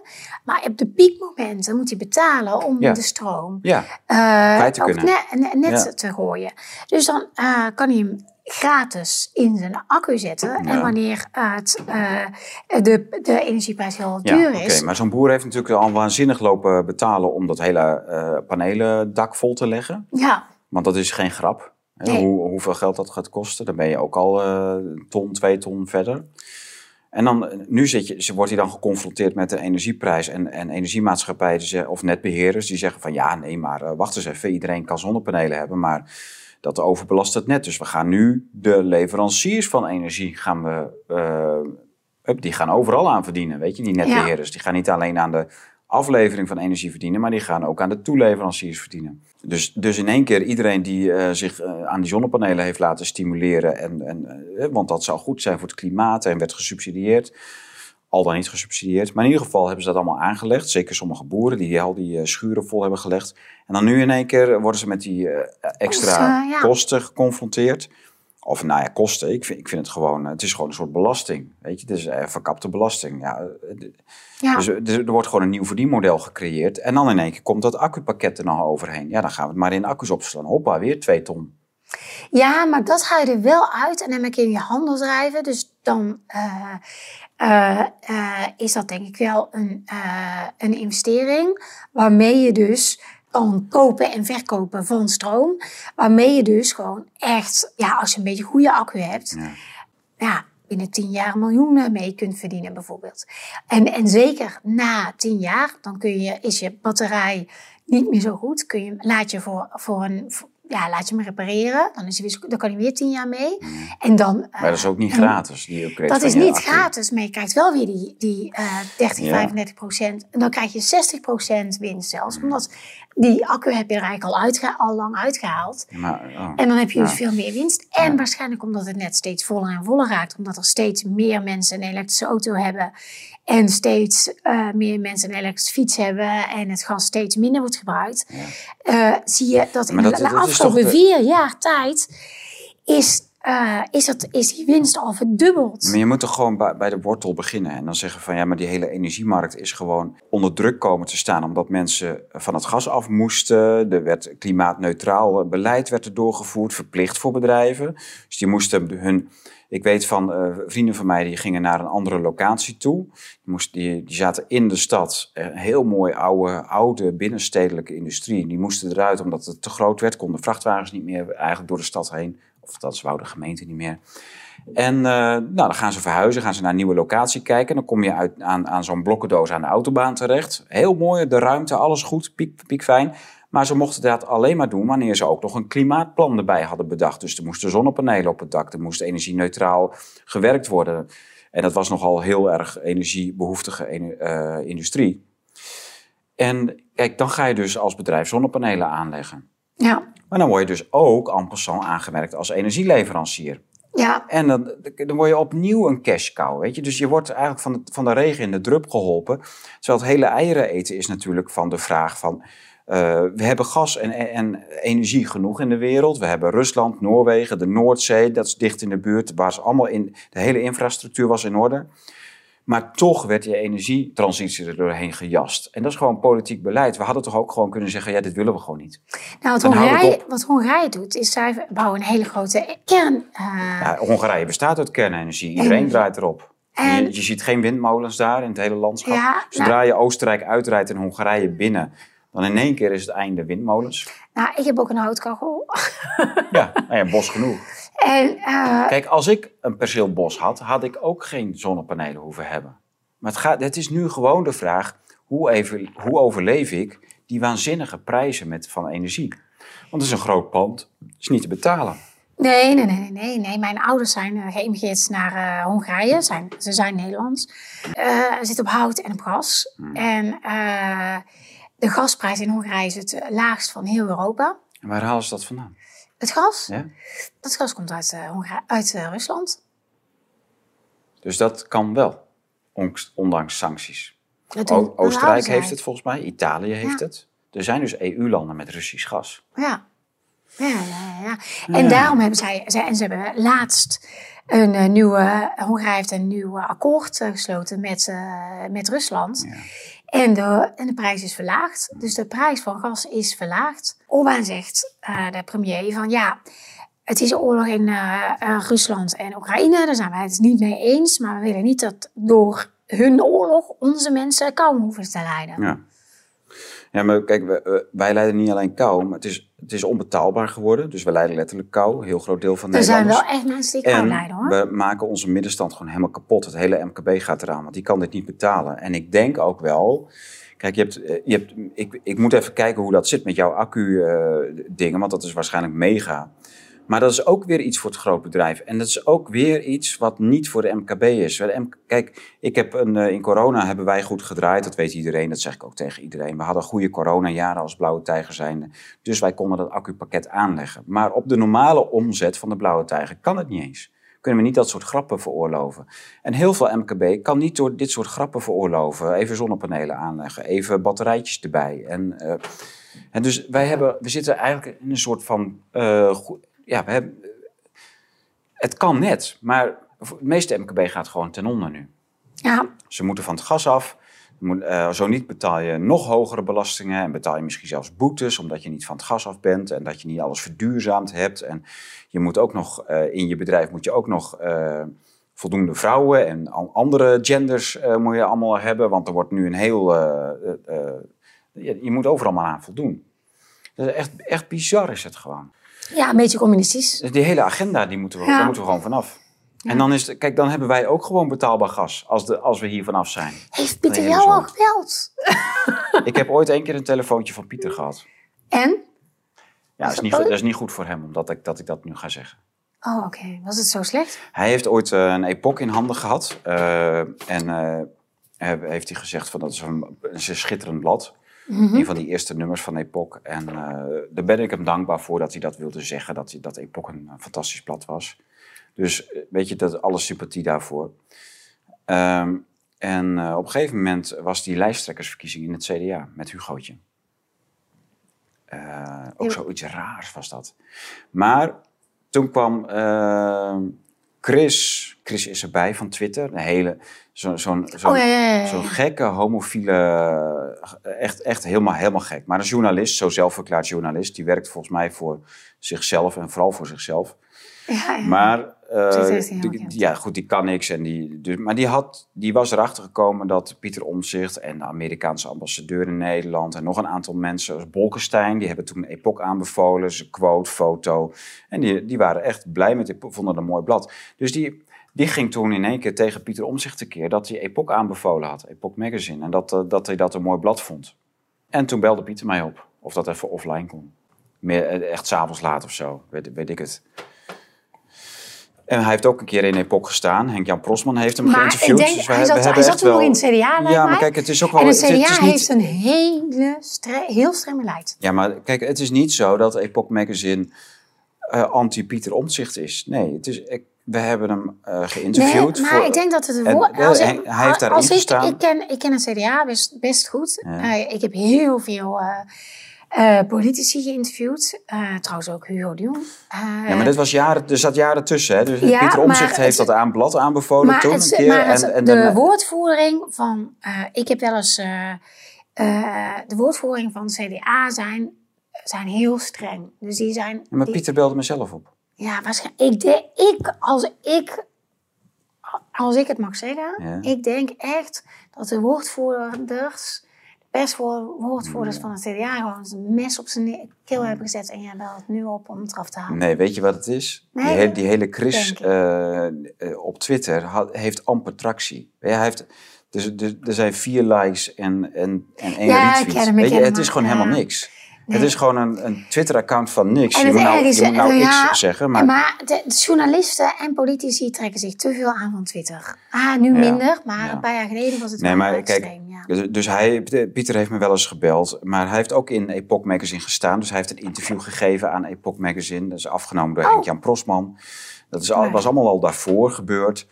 En eh, daar was, da- dan is er nooit iets mis, weet je. Dus da- dat was allemaal goed genoeg. Maar dan in één keer als zo'n rancuneuze twitteraar eh, met een obscuur eh, levensstijl... als die dan eh, gaat twitteren over Pieter Omtzigt die een quote geeft aan Epoch omdat het gewoon het mooiste blad van Nederland is. Weet je, dat, zo, er zijn niet heel veel mooie bladen. Het, is allemaal, het zijn allemaal flubbertjes, opiniebladen van, van niks. Maar Epoch is gewoon mooi. ja, het is echt een mooi blad. En dat Ja. vond Pieter ook zelf. Het is echt een mooi blad. En Ja. iedereen, iedereen die ik ken vindt het een prachtig blad. Ja.